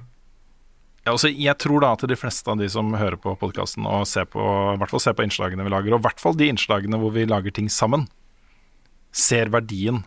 Og så se for deg da at vi tre, Carl og jeg og Nick, sitter sammen på et kontor og kan jobbe sammen og foredle ideene til hverandre og hjelpe hverandre og bare ta opp kamera for å filme noe fett vi kom på der og da. Lage innslag når det kommer store pressemeldinger fra et eller annet sånn ut av det blå. Mm. Og så sitte og jobbe sammen, tre stykken. Det hadde løfta hele level up så sjukt mye, altså. Yeah. Så er også tanken da at Nick skal ha nok penger til å kunne flytte til byen, eller i hvert fall flytte nærmere byen. Ja. Mm. Eh, sånn at det er lettere å gjøre sånne ting også. Ja. Og Her vil jeg også nevne noe som, er, eh, som jeg tror det er greit for folk å vite. Fordi det vi snakker om nå, eh, tre heltidsansatte pluss et kontor, koster ja, ca. 2,2 millioner i året, tenker jeg. Rundt, eh, rett over 2 millioner kroner. Eh, Med alle utgifter, med innkjøp og utstyr og leie og forsikringer og Ja, fordi vi har jo arbeidsgiveravgift, vi har eh, mm. ja, forsikringer, Ja. vi har regnskap, vi har eh, sa jeg arbeidsgiveravgift? Ja, du sa Men det er, du kan godt si det en gang til. Ja, Fordi, for det er ganske mye penger. men det er bare 18% det, som bare Ja. her, 18 Alt Det er- det er ut. Så det er, jo, det er jo mye utgifter i et selskap. Vi Ja. betaler jo overskuddsskatt, og vi betaler jo alt det vanlige man betaler i en bedrift. Mm. Og vi, ja, så vi sitter jo ikke igjen med det beløpet man ser på Patrion. Det er ikke sånn at vi deler det på to, og så er det lønn til Rune og meg. Nei. Og det er derfor det er litt interessant også, fordi det vi snakker om her nå, er jo Patrion-inntekter på Uh, Ja, hva blir det? 1, ja, det er jo 15 000 i måneden ganger 12. Skal vi se. 51 ja. ganger 12 Det er uh, Det er mye penger. 180. Hm? 180 000 dollar, da. Ish. Ja, så ca. 1,7 da. Eh, 1,6-1,7 millioner kroner i året. Hvis vi når målet på 15 000 dollar i måneden. Og det er jo ikke nok. eh, Og det er den andre grunnen til at jeg er veldig glad om dagen. For det skjer mange andre ting, og det har skjedd mange andre ting i løpet av året som gjør at vi faktisk har en del inntekter ved siden av Patron. Uh, og det er jo også en, en av hovedgrunnene til at vi har begynt å tenke at vet du hva, det målet om å ansette Nick og få vårt eget kontor og innrede det som et fett studio, er innen rekkevidde. Mm. Og vi er også i samtaler med flere, flere aktører som kan hjelpe oss med å komme dit. Mm. Men i alle de samtalene vi har med andre, så ligger Patron-backingen som et fundament. da.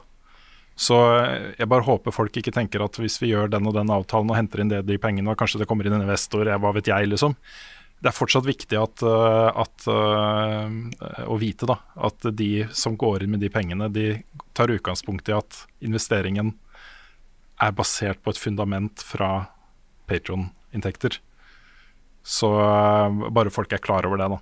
Mm. Så vi jobber mye med budsjettering nå, rett og slett. Vi jobber mye med å finne ut hva koster ting. Hvor mye koster ting? Hva koster det hvis vi skal ekspandere og selge stoffet vårt? Hva trenger vi av liksom salg og markedsføring og uh, businessgreier, liksom? Altså, Mm. det, er, det er så mye sånne ting vi må tenke på nå, da. Ja, og vi er jo ikke kjempesterke når det kommer til business. Vi er jo veldig, Nei, altså, vi vi er er, ikke det. Hele gjengen er folk som liker å lage ting. Uh, I hvert fall Rune og jeg er ikke gode på det å selge stoffet vårt. Bare det å lage den Mm. Patreon-videoen er litt ubehagelig. Fordi det er sånn Vi liker jo ikke å snakke om penger. Vi liker jo ikke det er ikke det som er gøy. Nei. Så, så det er vi ikke så gode på. Um, men vi har jo nå masse masse spennende samtaler. Vi har jo et samarbeid med Good Game. Vi har samarbeid med Lorado, som har gjort at vi har tjent litt mer penger i år. Vi har hatt Mhm. litt podcast-annonser. Så det, liksom, det har blitt mer og mer utenom Patreon. Ja. Og det har vi også lyst til å fortsette med. Å bare finne mer og mer Flere og flere måter å fortsatt være oss, men likevel tjene litt penger. Mm. Og vi kommer til å fortsette den- å være oss, det er det viktigste. Ja, det er det aller, aller viktigste. Det, det, må, det må vi bare sette ti streker under. I alle de samtalene. Det er ikke snakk om å gjøre noe annet enn det vi, det vi er. vi, vi må legge premissene for en eventuelt vekst da, eh, helt selv. Mm. Fordi hvis ikke, så er ikke jeg interessert i å gjøre dette her. Jeg vil heller, eh, heller fortsette sånn som vi har hatt det de siste fem årene, og ikke tjene mer penger, enn å tjene mer penger, men gå på akkord med meg selv. da. Så eh, ja, det er viktig. Der fikk jeg Men det som faktisk er- en, jeg fikk en gladnyhet på mail nå nettopp. Oh, okay. Det er at eh, jeg har fått eh, 16 dollar fra min personlige YouTube-kanal. Hei! Herlig. Så kan jeg kjøpe meg pølse. herlig. nice. Men det har, det har skjedd noe mentalt med oss i løpet av det året her. Mm. Um, og det som er litt interessant, og det er jo på en måte litt basert på uh, de samtalene vi har da, med business, eventuelle potensielle businesspartnere og sånne ting, er at uh, ja, vi er små, vi vokser sakte, men vi har veldig bra innhold. Og vi har, det er stort potensial i stoffet vårt til å kunne nå enda flere. eh, og bli større og kunne ansette Nick. Og kunne få det der fine kontoret som vi drømmer om. og og sånne ting. Så det er litt mer sånn positivitet. da Vi er litt mer, ser litt lysere på framtiden enn vi kanskje har gjort Mm. i perioder da eh, i løpet av disse årene. Ja. Ja så, så har vi liksom hatt mange spennende samtaler hele veien, egentlig, mens vi har vært indie. Men Mm. spesielt i det siste så er det veldig mange spennende samtaler som foregår samtidig. Ja. Og det gjør jo også at vi blir litt mer optimistiske. Så i morgen uh, skal Carl Carl og jeg sette oss ned og lage en eh, hva er det det kalles, en verdipyramide. Ja, det er, ikke det det? først, det er ikke første gang vi har gjort det, men det er sånne veldig spennende businessdokumenter. Ja. som vi, vi måtte ha en lang tutorial for å lære hvordan vi skulle fylle de ut. Ja, ja, det var sånn, det, det, jeg fikk tilsendt uh, den malen. Så var jeg sånn eh, Dette skjønner jeg ingenting av. Nei, Jeg skjønner ingenting. Jeg, jeg, aner ikke hvor jeg skal begynne. Nei, det var sånn, Jeg fikk lyst til å lage en sketsj da jeg så noen av de slidesa. For det var, liksom, Ja. det, var, det var en runding, og så var det sånne verdier, og så var det en, et, et, et menneskeansikt med en pil ut av nesa. Og jeg bare OK, hva betyr det?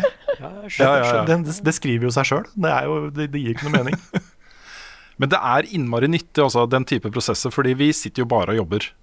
Og det har jo vært litt bevisst også, for vi vet liksom at hvis vi hadde slutta å gjøre det, og bare begynt å gjøre masse andre ting og prøvd å tjene mer penger, så ville vi ikke lagd like mye innhold, og så ville det gått utover eh, eh, produktet vårt, liksom. Mm. Så vi har måttet eh, ta vare på produktet vårt, som er level up, og som er de tingene vi lager og, og sånt. Det har vært superviktig, da. Mm.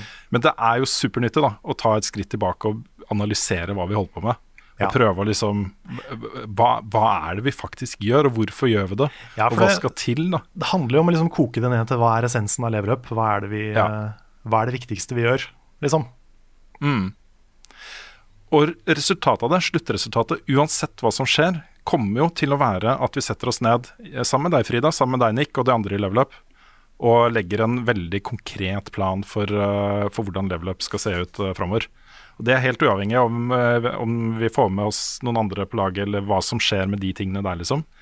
Det, det kommer vi til å gjøre uansett. Så jeg har Vet du hva, jeg er, skikkelig gira på 2021 nå. Jeg er bare Særlig hvis vi får inn Nick og det kontoret. Det også kommer til å bli eh, Det kommer til å bli så bra. Ja. Det kommer til å bli så bra, altså. Jeg håper så at vi får Nick inn på fulltid. Jeg har så lyst til Ja. at Leverup skal bli tre personer på fulltid. Jeg, er sånn, jeg, er så, jeg brenner for at det skal skje. Og for For- å prøve å få, få, få til dette her, så har vi da skal Nå driver jeg og bare pusher reklame, hvis det er greit. Ja, ja. 24 timer livestream på lørdag. Yes. Yes. 12 til 12. Lørdag til søndag. Mm. Hell yeah. Og så er det ikke sånn at eh, vi da er ferdig med å pushe. Det skal vi fortsette med å gjøre. Vi skal gjøre det gjennom konsollanseringene, og i desember planlegger vi kanskje en en uke lang stream. Ja, Ja, den er litt er- skummel, men vi, vi prøver. Ja. Yes. Ja. Eh, kanskje produsere litt sånn kortere promosnutter for eh, sosiale medier og sånne ting også. Um, prøve å destillere budskapet vårt til litt sånn kortere greier. Um, så um, eh, vi kommer til å gnåle litt om dette her framover, men det er jo superviktig da, for fremtiden vår. Så jeg håper folk aksepterer at vi gjør det. Vi skal ikke snakke like lenge om det hver eneste podkast. Nei, Vi Jo. måtte for nå, gjøre det nå. da ble det et veldig langt segment om uh, også penger. Ja. Ja. Uh, men bare for å gjøre det komplett, da, så har vi også et mål på 16 000 dollar. Ja. Ja. Og det er musikal. ja. Yes. Og det er fordi at jeg har lyst til å være med og lage musikal, for da fikk jeg ikke være med på første gang. Nei, du var liksom ikke ansatt ennå akkurat idet vi lagde den musikalen. Nei, jeg var skikkelig Du dårlig mm. timing. du kom rett etterpå. Ja. Og du kan jo synge. Jeg har jo så jeg har, det jeg spilt musikal. Ja, ikke sant? Ja, ja, ja. Og så var det jo sjukt morsomt da i den videoen, Carl, for den har du klippet. Ja. Og da hadde du noen innslag fra den forrige musikalen vi lagde. Den ene musikalen vi lagde. Og da var jeg sånn Var dette en god idé, da? Ja. var dette en god idé? Åh, det, det, var, det var vondt å se på igjen, altså. Det er vondt. Så det er, jeg vet ikke om det er et mål eller en trussel at vi lager en ny musikal. Men det blir, eh, det blir, det blir spennende å se hva som skjer. Og så siste ting. Siste Ja. ting. Ja. Vi har jo annonsert to ting til. Ja. Og det er jo to nye gameplay-serier som tar over for eh, Soulmates. Mhm. Da kommer Hollow Nick, Nick spiller Hollow Night, og Bloodbjørn. Bjørn spiller Bloodborne. Jeg må si de klippene fra Bloodbjørn som du hadde med i den videoen, jeg håper Levi skal ikke gjelde. Bjørn blir- er altså så, en så flott fyr. Det blir så morsomt med Bjørn. Ja, det gjør det. Det gjør det. Men uh, Nick, hva tenker du om dette her? Hva hadde det betydd for deg å komme deg inn til Oslo? Komme deg inn i et, uh, sjefkontor med en skikkelig digg eh, PC og digg gamingstol og kanskje en sofa med en svær TV og et studio og lamper som er montert og sånne ting. Nei, altså, det hadde jo vært kjempehyggelig. Ja. Nei, um, men um, ja, den store greia hadde vært at uh, hvis jeg bor nærmere byen, så bor jeg også nærmere Rune og Carl, ikke sant? Mm. Da kan vi lage stilig Jeg bare sier det, stilig shit. Ja. Slipper å toge fra Kongsvinger fram og tilbake. Ja, ja, ja. Det, Tog som slutter å gå, ikke Ja. dukker opp. Og... det er bare tull og tøys. Altså, er det en sånn derre Det å få et sted å jobbe også, Ja. tror, kan, Mm. jeg tror det kan gjøre meg mye produktiv. Ja, samme her. Jeg tror det er bra for helsa, rett og slett. Ja. Ja, jeg har noen konkrete eksempler også, fordi det har vært mange tilfeller opp gjennom årene hvor jeg har hatt skikkelig gode ideer til hvordan, øh, hvordan bare en halv dag med produksjon, filming og altså en halv dag med ekstra klipping da, hadde gjort anmeldelsene mine sjukt mye kulere å se på, og morsommere og, og sånt. Jeg har hatt eh, lyst til å ta med eh, Nick ut i skogen og være Kratos, mens han, han er Atreus. Det, det har hatt mange sanne ideer, da. Og det, den terskelen, da, når jeg sitter hjemme på min eget kontor og tenker jeg må ta med meg mitt handikam ut i skogen og sette det på stativ, og så må jeg liksom sjekke at Og så må jeg gå foran kamera og, og sånne ting, da. Den er så høy. Eller jeg må få liksom nikk inn fra der han bor, helt fra der og så inn til byen. Vi må avtale, vi må planlegge, og, og så må Carl kanskje bli med og komme fra et helt annet sted og sånne ting. Hva om vi bare kan ta opp det dumme kameraet, da, og så stikke i eh, Slottsparken? og filme det. Og så er det gjort på én time. Og så eh, bare løfter det alt vi gjør. Så ja, det har jeg tenkt mye på. Same. Ja, og jeg har så mange ideer på hva vi kunne gjort. Ja, Ja. det er, mm, Jeg kunne tenke meg å lage en ukentlig sånn film- og TV-serier-podkast hvis vi tre sitter på kontor sammen allikevel. At vi en halvtime hver fredag for eksempel, bare setter oss ned og snakker om de filmene. Kanskje færre TV-anbefalinger i denne podkasten, men at vi Ja. flytter det dit. ikke sant? jeg tror Jeg problemet liker er at du tenker at denne du- kan bli en halvtime. Ja, og så er litt av problemet kanskje at du har sett fem ganger flere serier enn det. Ja, jeg tror, du, jeg, jeg tror jeg hadde fått til noe kult der, altså. Ja da. Vi kunne bestemt oss for, da. ikke sant? Denne uka så skal alle se neste episoden av, uh, av um, The Boys sesong tre, f.eks. Mm. Så er det det vi skal snakke om. Yeah. Nei, men skal vi, skal vi lukke um, business-segmentet og begynne å ta litt flere spørsmål? Nei, jeg vil Ja, ta en til. vil, Ja, du har en Ja. til? Ja. jeg også vil komme med en liten oppfordring, da. Mm. Fordi um, uh, mange tenker liksom at innhold på internett er gratis, og ja, det er mye gratis innhold på internett. Men se nå hva som skjer da med alle disse gratis-sidene. Eurogamer starter nå med autoplay av videoannonser og videoer på siten sin. Um, du har liksom cookies og trackere, og det er, det er, ikke må, det er blitt et sånt høl, da, hele internett. Og det er jo fordi innhold koster penger. Og unnskyldningen og forklaringen er jo rett og slett at vi lever av annonser. Eh, da må vi bare akseptere at sånn, sånn har det blitt, liksom. Dessverre. Eh, men så ser du da Eurogamer sier nå de skal lansere en brukerbetalingsløsning hvor folk slipper annonser og autoplay og sånne ting. Det er den veien det går. Også innhold, Det å lage innhold koster penger, og det koster ikke mye penger. Så tanken er da at jeg tror om fem til ti år så vil alt det beste innholdet du får bruke på internett, være fra sanne redaksjoner som vår, hvor man betaler en liten sum, 20-30 kroner kanskje i måneden, for å få det innholdet, eh, for å sørge for at det innholdet blir produsert. Og Det gjelder jo ikke bare oss, det gjelder jo masse andre uh, nisjesatsinger da, som er på nett, og som har lignende type Patron-ordninger. Det er uh, det er en sånn forståelse bare som jeg ønsker håper at, at flere får. da. Mm. At 20-30-40 kroner i måneden for å få uh, den type innhold som vi lager, er litt sånn ting er nå. Mm. Mm. Så Støtter den. Ja. Mm, Bare ja, ja. ha det litt i bakhodet. og Se, tenk, på, tenk på hvor mye du setter pris på innholdet vårt. Tenk på om det er, du tenker at det kan være verdt en par- par-tre tiere i måneden. Ja, du slipper, Så du slipper det. clickbait og Raid Shadow Legends-reklamer. Ja, nettopp. Mm ta Så ja, Ja, ja. bare en liten oppfordring. Sorry. Yes, går helt fint. Fordi at jeg har lyst til bare har lyst til å snakke litt mer om discorden vår. Fordi at den Ja. har jeg brukt eh, mine siste siste veka eller litt mer på. Eh, og har fått den til, og den funker, og den er oppe og går. Og jeg vil bare si at alle bare, hvis dere har lyst til å være med, gå inn der. Eh, det ligger link, i hvert fall på den videoen vi la ut. Eh, hvis du plutselig får opp en eh, beskjed om at eh, 'message failed to load', så må du da gå inn på den kanalen som heter 'Nye medlem'. Der dukker det opp all infoen du trenger. Eh, men jeg vil gjerne takke eh, Mythic og Schmackedoodle, som har hjulpet. eh, det, er, de er, det var det det ble kalt da det ble født. Ikke sant? Det, er, det er det faktiske navnet deres. Yes. Mm. Mythic og, og Schmackedoodle, som har hjulpet masse med å få den her opp og gå. Eh, og har lagd eh, Mythic som har hjulpet med å sette på alt med bot, eller mye med bot og, og kanaler og tips, gode tips og sånne ting. Og Schmackedoodle som har lagd alt av grafikken på der. Så jeg vil bare si tusen takk eh, til deg. Og vi har snart dinga 700 medlemmer. That's pretty fun. Oi, oi. Ja, det er kult. Nice. På Det der er jo timer. mine Des Destiny Boys, ikke sant? Dette er jo eh, Level Up Kartell-folk. Uh, Mythic, uh, som jeg kjenner best av det, han er jo Men jeg har også spilt mye med Schmackadoodle. De er bare sånne positive, hjelpsomme, hyggelige folk som bare får til ting, liksom. Så det er veldig, veldig kult at de vil hjelpe oss. Det er dødsbra. Ja.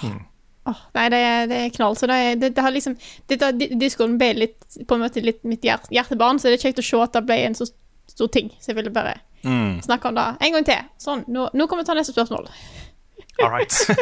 Da er ja, level var up spørsmål og svar. Ja, Ja, da da er level up-promoteringssegmentet ferdig for denne gang.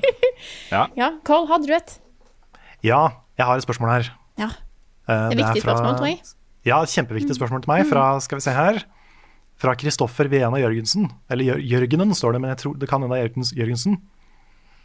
Kan dere ha et Patron stretch goal for en fast egen Carl anbefaler hverdagslige ting-spalte? Jeg syns det var et veldig bra forslag. Jeg tror ikke vi skal ha en egen tear for det. Men for, deg, men for deg, Kristoffer, så har jeg en hverdagsanbefaling Å nei. å komme med akkurat nå. Jeg er klar. Og det er, dette er ganske bra en. Så Ja. okay. det, det er faktisk å ta uh, litt Nutella oppi en, en skål. Uh, putte den i mikroen til den blir sånn flytende, uh, nesten. Ja. Putte det på dessert, putte det på is. Putte på, på vafler, eller isvafler, eller vaffelis. Du kan putte det på ganske mye forskjellig dessert, og det bare løfter den desserten så sykt. Så kan du si at nei, det er Nutella, og folk bare oi.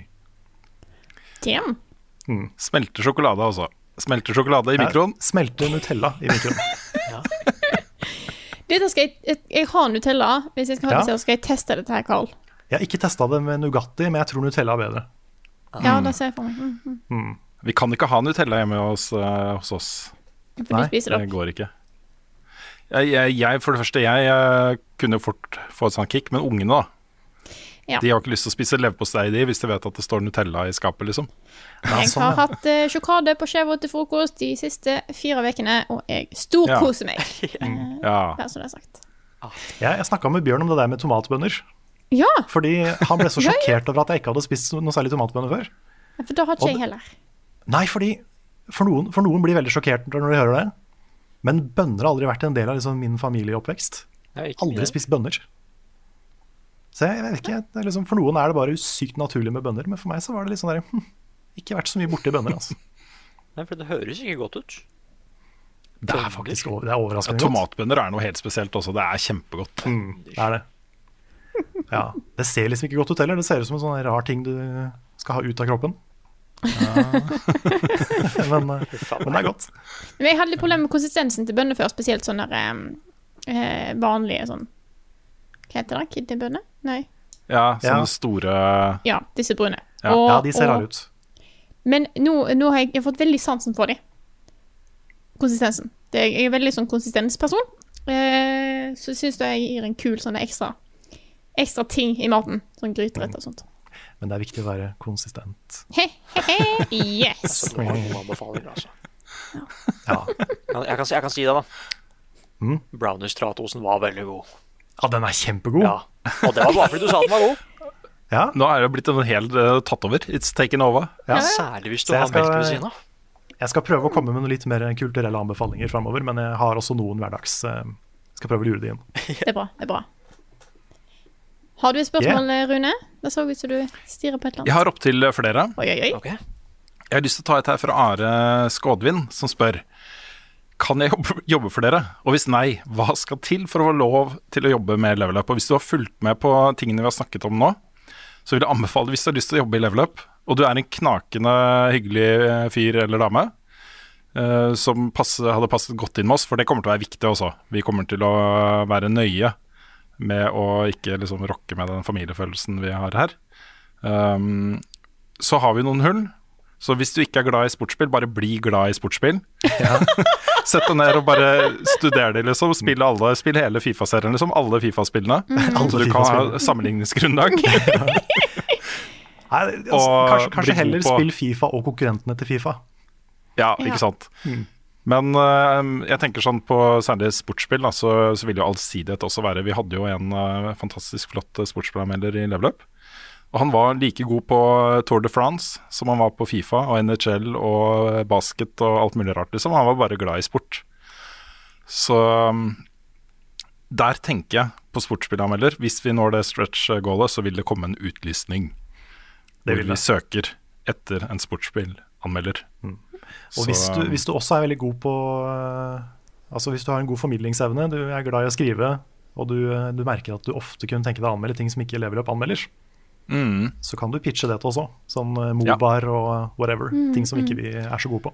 Og du trenger ikke være god på video, for jeg hadde ikke redigert noe før i mitt liv før jeg sånn egentlig før jeg lagde søknadsvideoen min. Så da, du kan komme inn med nada. Hvis du bare lærte det, da. Det er helt sant. Mm. Det er viktig at du blir god på video. Du må bli god. Ja, du, etter hvert i hvert fall. Ja. Det er fordi eh, Vi kan jo hjelpe til å klippe litt i starten, og sånt, men uh, målet er jo å bli selvdrevne på det, selvfølgelig. Ja da, men det var mer sånn at du trenger ikke være en ekspert. Du må kunne Nei, sette sammen noe som ikke er helt dust. Men ja. Nei, Formidlingsvilje og evne er på en måte ting vi ser etter. da Formuleringer og betraktninger og, og sånne Mm. ting. Så ja, og så vil jeg bare si at ikke, ikke ta bare kontakt med oss. No, ja, du, du kan gjerne gjøre det også, men vi kommer sannsynligvis til å si nei. Vi får en del sanne type søknader uh, innimellom, eller folk som tar kontakt og har lyst til å jobbe med oss. Uh, det er uh, Ofte så tar det litt lang tid å svare fordi det er så vanskelig å si nei. Eh, og noen ganger så trenger man også bare litt ekstra tid til å liksom eh, bestemme seg, da. Fordi det er en så stor beslutning for oss Ja. å få inn for dere. Altså er det Hvis man sender en sånn video, eller en sånn melding, mener jeg, så er det veldig lurt å ha med en video. Mm. Fordi det er vanskelig å få inntrykk av hvem en person er bare med en tekstmelding. Mm. Så hvis du f.eks. Har, noe- har noe å vise fram, en anmeldelse eller i hvert fall en videopresentasjon, da, så ja. kommer man lenger med det. Så vil jeg bare sende en hilsen til én spesiell uh, kanskje-lytter. da. Eh, Jeg vet ikke om den personen hører på podkasten, men eh, skal fortsatt få svar også. Det har tatt altfor lang tid. Eh, beklager. Eh, vi har ikke, jeg har ikke rukket å bestemme oss rett og slett for hva vi skal gjøre med den ennå. Men det, det kommer. Det kommer. Det kan jeg love. Yeah. Ja. Flere spørsmål? Ja. Det er jo noe her. Det er jo har- Kanskje ta en eller to til, og så kan vi ta runde av. Det kan vi godt gjøre. Jeg har et par her, jeg, hvis uh, Jeg har også et par. Eller Ja. én, i hvert fall. Ja, kan Nick ta først? Ok. Ja. Uh, skal vi se. Ingar eh, Takanobu Hauge på Facebook spør uh, Når vi en dag kan begynne å reise igjen, hvor ønsker dere å reise først? Dere kan også ha forskjellige forskjellige svar ut ifra om dere reiser aleine eller sammen med noen. Åh. Ja. Det er, det er et flersidig spørsmål, holdt på å si. Ja. Hvis det blir E3, så vil jeg til på E3. Hvis det ikke blir E3, vil jeg til Japan. Med Level-Up-gjengen i begge tilfeller. Ja, Og hvis ikke det er for å dekke noe, så vil jeg tilbake til Syden. Tilbake til Noscope-land. Ja. Jeg hadde jo litt planer. Eh, jeg er jo, føler meg litt snytt for en Kroatia-tur som jeg skal ha i sommer. Eh, via jobb så var det snakk om å søke om å få bruke et instrument i Japan. Den, eh, det prosjektet er vel helt slått fra oss. Eh, jeg har veldig lyst til å dra til Japan. Og jeg vil dra en plass der det er varmt, jeg kan bade i sjøen, og det er god mat. Det er det, er det jeg vil, eh, egentlig. Får vi se. Mm. Hva det blir? Jeg tror eh, kanskje ikke det blir noe utenlandsreise til neste år på meg heller. Men vi får se. Nå åpner jo eh, Nintendo Land i Japan i 2021. Å, det Ja, stemmer. sant det. Mm. Er, det, er det ikke en Nintendo-greie i USA og Universal? Det vet jeg ikke. Jeg tror jeg blander Kanskje? de to. At det skulle være noe Universal Mario Nintendo Park i USA pluss Jeg ble litt usikker på hvor den faktisk ligger. Jeg tror ikke det er noe Mario i, USA. Altså. Nei, kanskje jeg har misforstått. Jeg bare trodde Kan det var noe i formidlelse med, med Universal i Mm.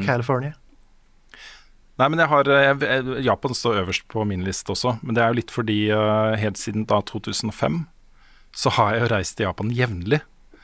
Nå har jeg jo, jeg er jo inngift i uh, familie uh, i Japan. Så kona har jo tanter, onkler og kusiner og fetter og sånt rundt omkring i forskjellige steder i Japan. da.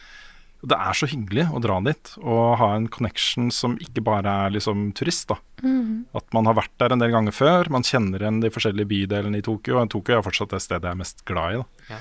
Um, det, det, er, eh, det er som å reise inn i en sånn der cyberpunk eh, fremtidsgreie um, i Tokyo. da. Og så får du litt den derre føydal-Japan. templer, gamle templer. Altså den feelingen i tillegg. Eh, og så er det maten. Jeg er så glad i japansk mat. Det er så mye god mat i Japan. Så, så det savner jeg. Og det andre stedet er USA, men da må de kvitte seg med Donald Trump først. Ja, det er det jeg også tenker. Ja. Jeg har ikke lyst til å dra dit nå. Nei. Det var jo eh, snakk om eh, Altså, utveksling under PhD-en er jo en vanlig ting. Og da ble det en periode diskutert om jeg skulle sendes til USA en liten stund. Eh, og da sa jeg at nei, vet du hva, da, da da vil jeg ikke. Nei. Det er akkurat nå så vil jeg ikke til USA. Og dette var før korona, da, bare så det er sagt. Akkurat nå så skal jeg i hvert fall ikke til USA. Det er eh, nei. Men det er litt sånn, jo- det er litt sånn with a broken heart, kjenner jeg. Fordi jeg, det, er, jeg har, det har skjedd flere ganger, flere netter, at jeg har drømt at vi har vært i USA og spist amerikansk mat. Ja, ikke sant? Det er sånn drømmer som jeg har jevnlig. Og så våkner jeg og så bare åh, vi var ikke der. Åh. Jeg har jo i tillegg eh, familie, da. Og det er jo utvekslingsfamilie i Ja. USA. De bor jo der, og jeg sitter jo, jeg følger jo de på Facebook og sånt, og de er jo eh, Har jo vært eh, rasende i fire år av alt som skjer i USA nå, liksom. Um, de vet jo nesten ikke hvor de skal gjøre av seg, for det er jo ikke det landet de har lyst til å bo i, liksom. Det er Ja. Nei, faktisk, jeg har en venninne i England, Sophie. Mm. Hun snakker mer og mer om å lære seg norsk. Ja, ikke sant? Det, er, eh, det er noe med det også. Mm. Så, um, så jeg savner de folka der også. Hva kan jeg si hvor jeg ville reist? Du er ikke så glad i å fly, Nick. ja, nei, det, Uansett. nei, de kan godt opp, oppfinne teleportering eller noe sånt, så hadde jeg vært Ja. en happy Ja. camper. Enig. Um, jeg har veldig lyst til å dra til Japan med dere og Spania igjen. Uh, men jeg har tre sånne spesielle locations jeg har lyst til å dra til. Og det er Nei, det er egentlig kanskje to, fordi Lon liksom England og Irland og sånn, sånne steder som det er, som fortsatt minner meg litt om Europa. Som bare er frodig og fint og Ja, bare gå litt rundt her, det ser kjempekoselig ut og sånn. Men jeg fant ut at eh, jeg har veldig, veldig lyst til å reise til Sveits en gang. Fordi jeg, for jeg så en video som heter 'Walking your dog in Switzerland'. Har dere sett den videoen? Nei. Nei. Nei, for jeg, jeg, jeg, jeg trodde det var fake. Fordi det var for beautiful. Ja, det ser latterlig lekkert ut. Sveits er tullete fint, altså. Ja, liksom at eh, Hadde dette her vært Middle Earth i 'Ringenes herre', så hadde jeg trodd litt på det. ikke sant? For fjella er så Mm. store, og det er så vakkert der. Med naturen og sånn. Nei, så jeg visste, jeg visste liksom ikke at «Hæ, Har du sett? Det, det er ikke bare i film, liksom.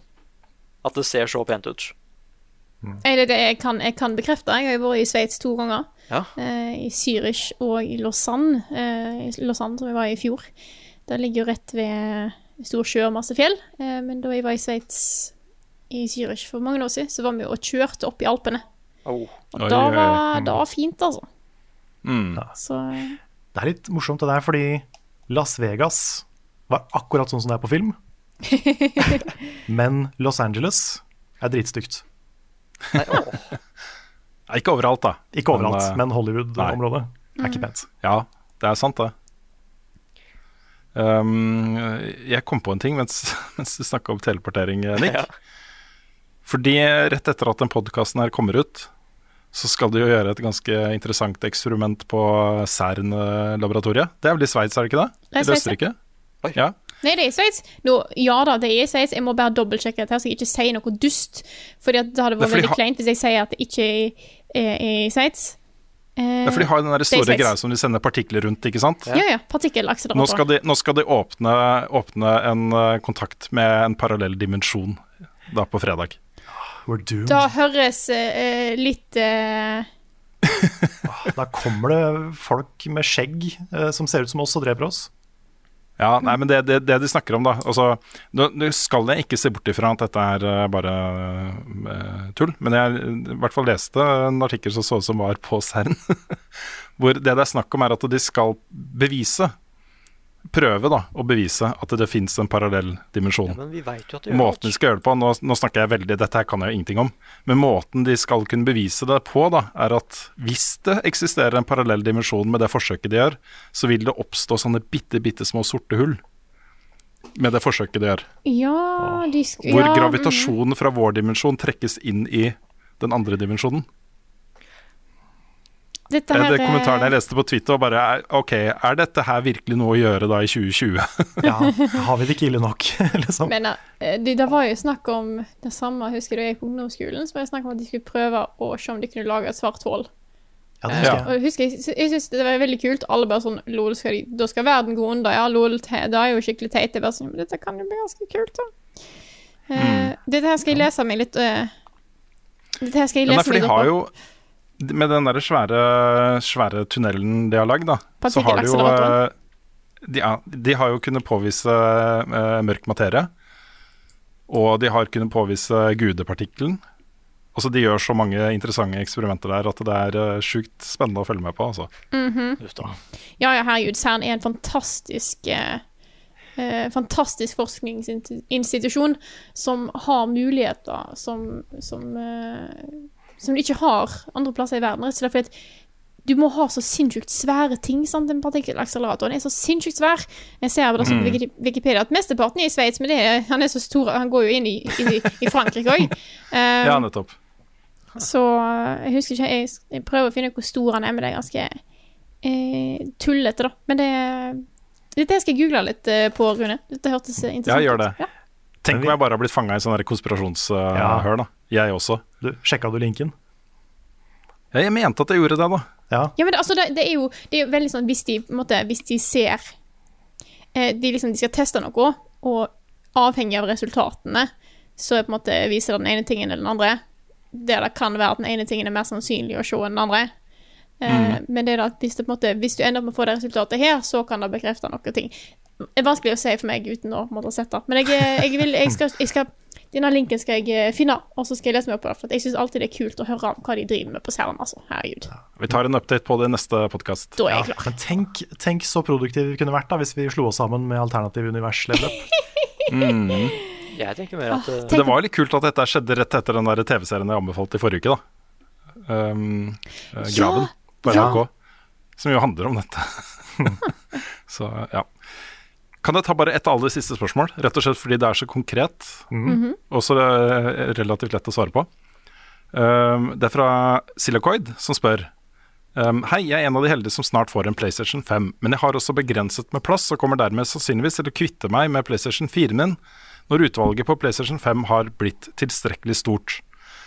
Og så lurer han på da hvilke skjulte perler som risikerer å ikke bli gjort tilgjengelig på PlayStation 5, anbefaler dere å spille før den tid? Og det er et ikke gyldig spørsmål, Silacoid, fordi eh, diskene, PlayStation 4-diskene, fungerer på PlayStation 5. Hvis du har en Eier du eh, det- digital edition, Ja. da. Ja, Hvis du eier spillene digitalt fra før, så kan de også lastes ned på PlayStation 5. Så hele ditt bibliotek fra PlayStation 4 er jo tilgjengelig. Men PlayStation 3 og 2 og 1 er jo ikke det, med mindre du da abonnerer på PlayStation Now, og det spillet tilfeldigvis er tilgjengelig der. Og så er det da sånn at nesten alle PlayStation 4-spill vil funke på PlayStation 5. Og du kan google mest. deg fram til de spillene som ikke funker. Ja. Eller som ikke de sier funker 100% Og det var ikke de største slagerne der. Nei, det var ikke det. Det var bare ti spill jeg ikke hadde hørt om, tror jeg. Mm. Nesten. Ja, så hvis du får diskversjonen, så trenger du egentlig bare å ta vare på disk, eh, diskene fra spillene. Pluss da at du har de digitale er allerede tilgjengelig på å laste ned på nytt. Mm. Jeg leste noe om at save games ikke kommer til å funke. Ikke i alle tilfeller, nei. Det er noen spill det vil funke i, og andre vil det ikke funke i. Kanskje vi må ta vare på PlayStation min for å spille ferdig Bloodbjørn. Ja, kanskje det. Det kan godt tenkes, faktisk. Det er lurt, da. Mm. All right. Skal vi gi oss der? Ja, vi får nesten gjøre det. Ja. Rekker å klemme barna mine god natt. Gjort. Det er koselig da, da. Ja, det er jo det. Og da eh, vil jeg bare en gang til minne om at vi har en 24 timer livestream på lørdag fra klokka 12 midt på dagen til søndag klokka 12 midt på dagen. Så eh, bli med. Eh, hvor hen da kommer ikke bilen min nå? Eh, dette er Level Backup, en eh, podkast eh, utgitt av moderne media. Låten i introen og outroen er skrevet av Ole Sønnik Larsen og arrangert og framført av Kyoshu Orkestra. Vignettene er lagd av fantastiske Martin Herfjord. Du finner mye mer innhold fra oss på youtube.com slash levelupnord. Og hvis du vil se oss på Twitch live på lørdag til søndag og senere, så er det bare å gå på twitch.com slash levelupnord. Twitch.tv. Twitch og TV. Faen, jeg får ikke til dette her. Twitch og TV slash level up nord. Jeg var så for opptatt med at det skal være nord og ikke Norge, for da kommer det er Patreon, for da er det patreon.com slash level up Norge. Der kan du inn og hjelpe oss på veien mot å ansette Nick eh, fulltid. Så gå inn der eh, og støtt oss med det du eh, sjøl ønsker eller har muligheten til. Vi setter ekstremt stor pris på alle dere som støtter oss der. Dere er best. Så vet Oh yeah. Det er dere. Og med det så sier jeg tusen takk for oss. Takk for at du har hørt på denne episoden her av Level Backup. Og så snakkes vi igjen neste uke.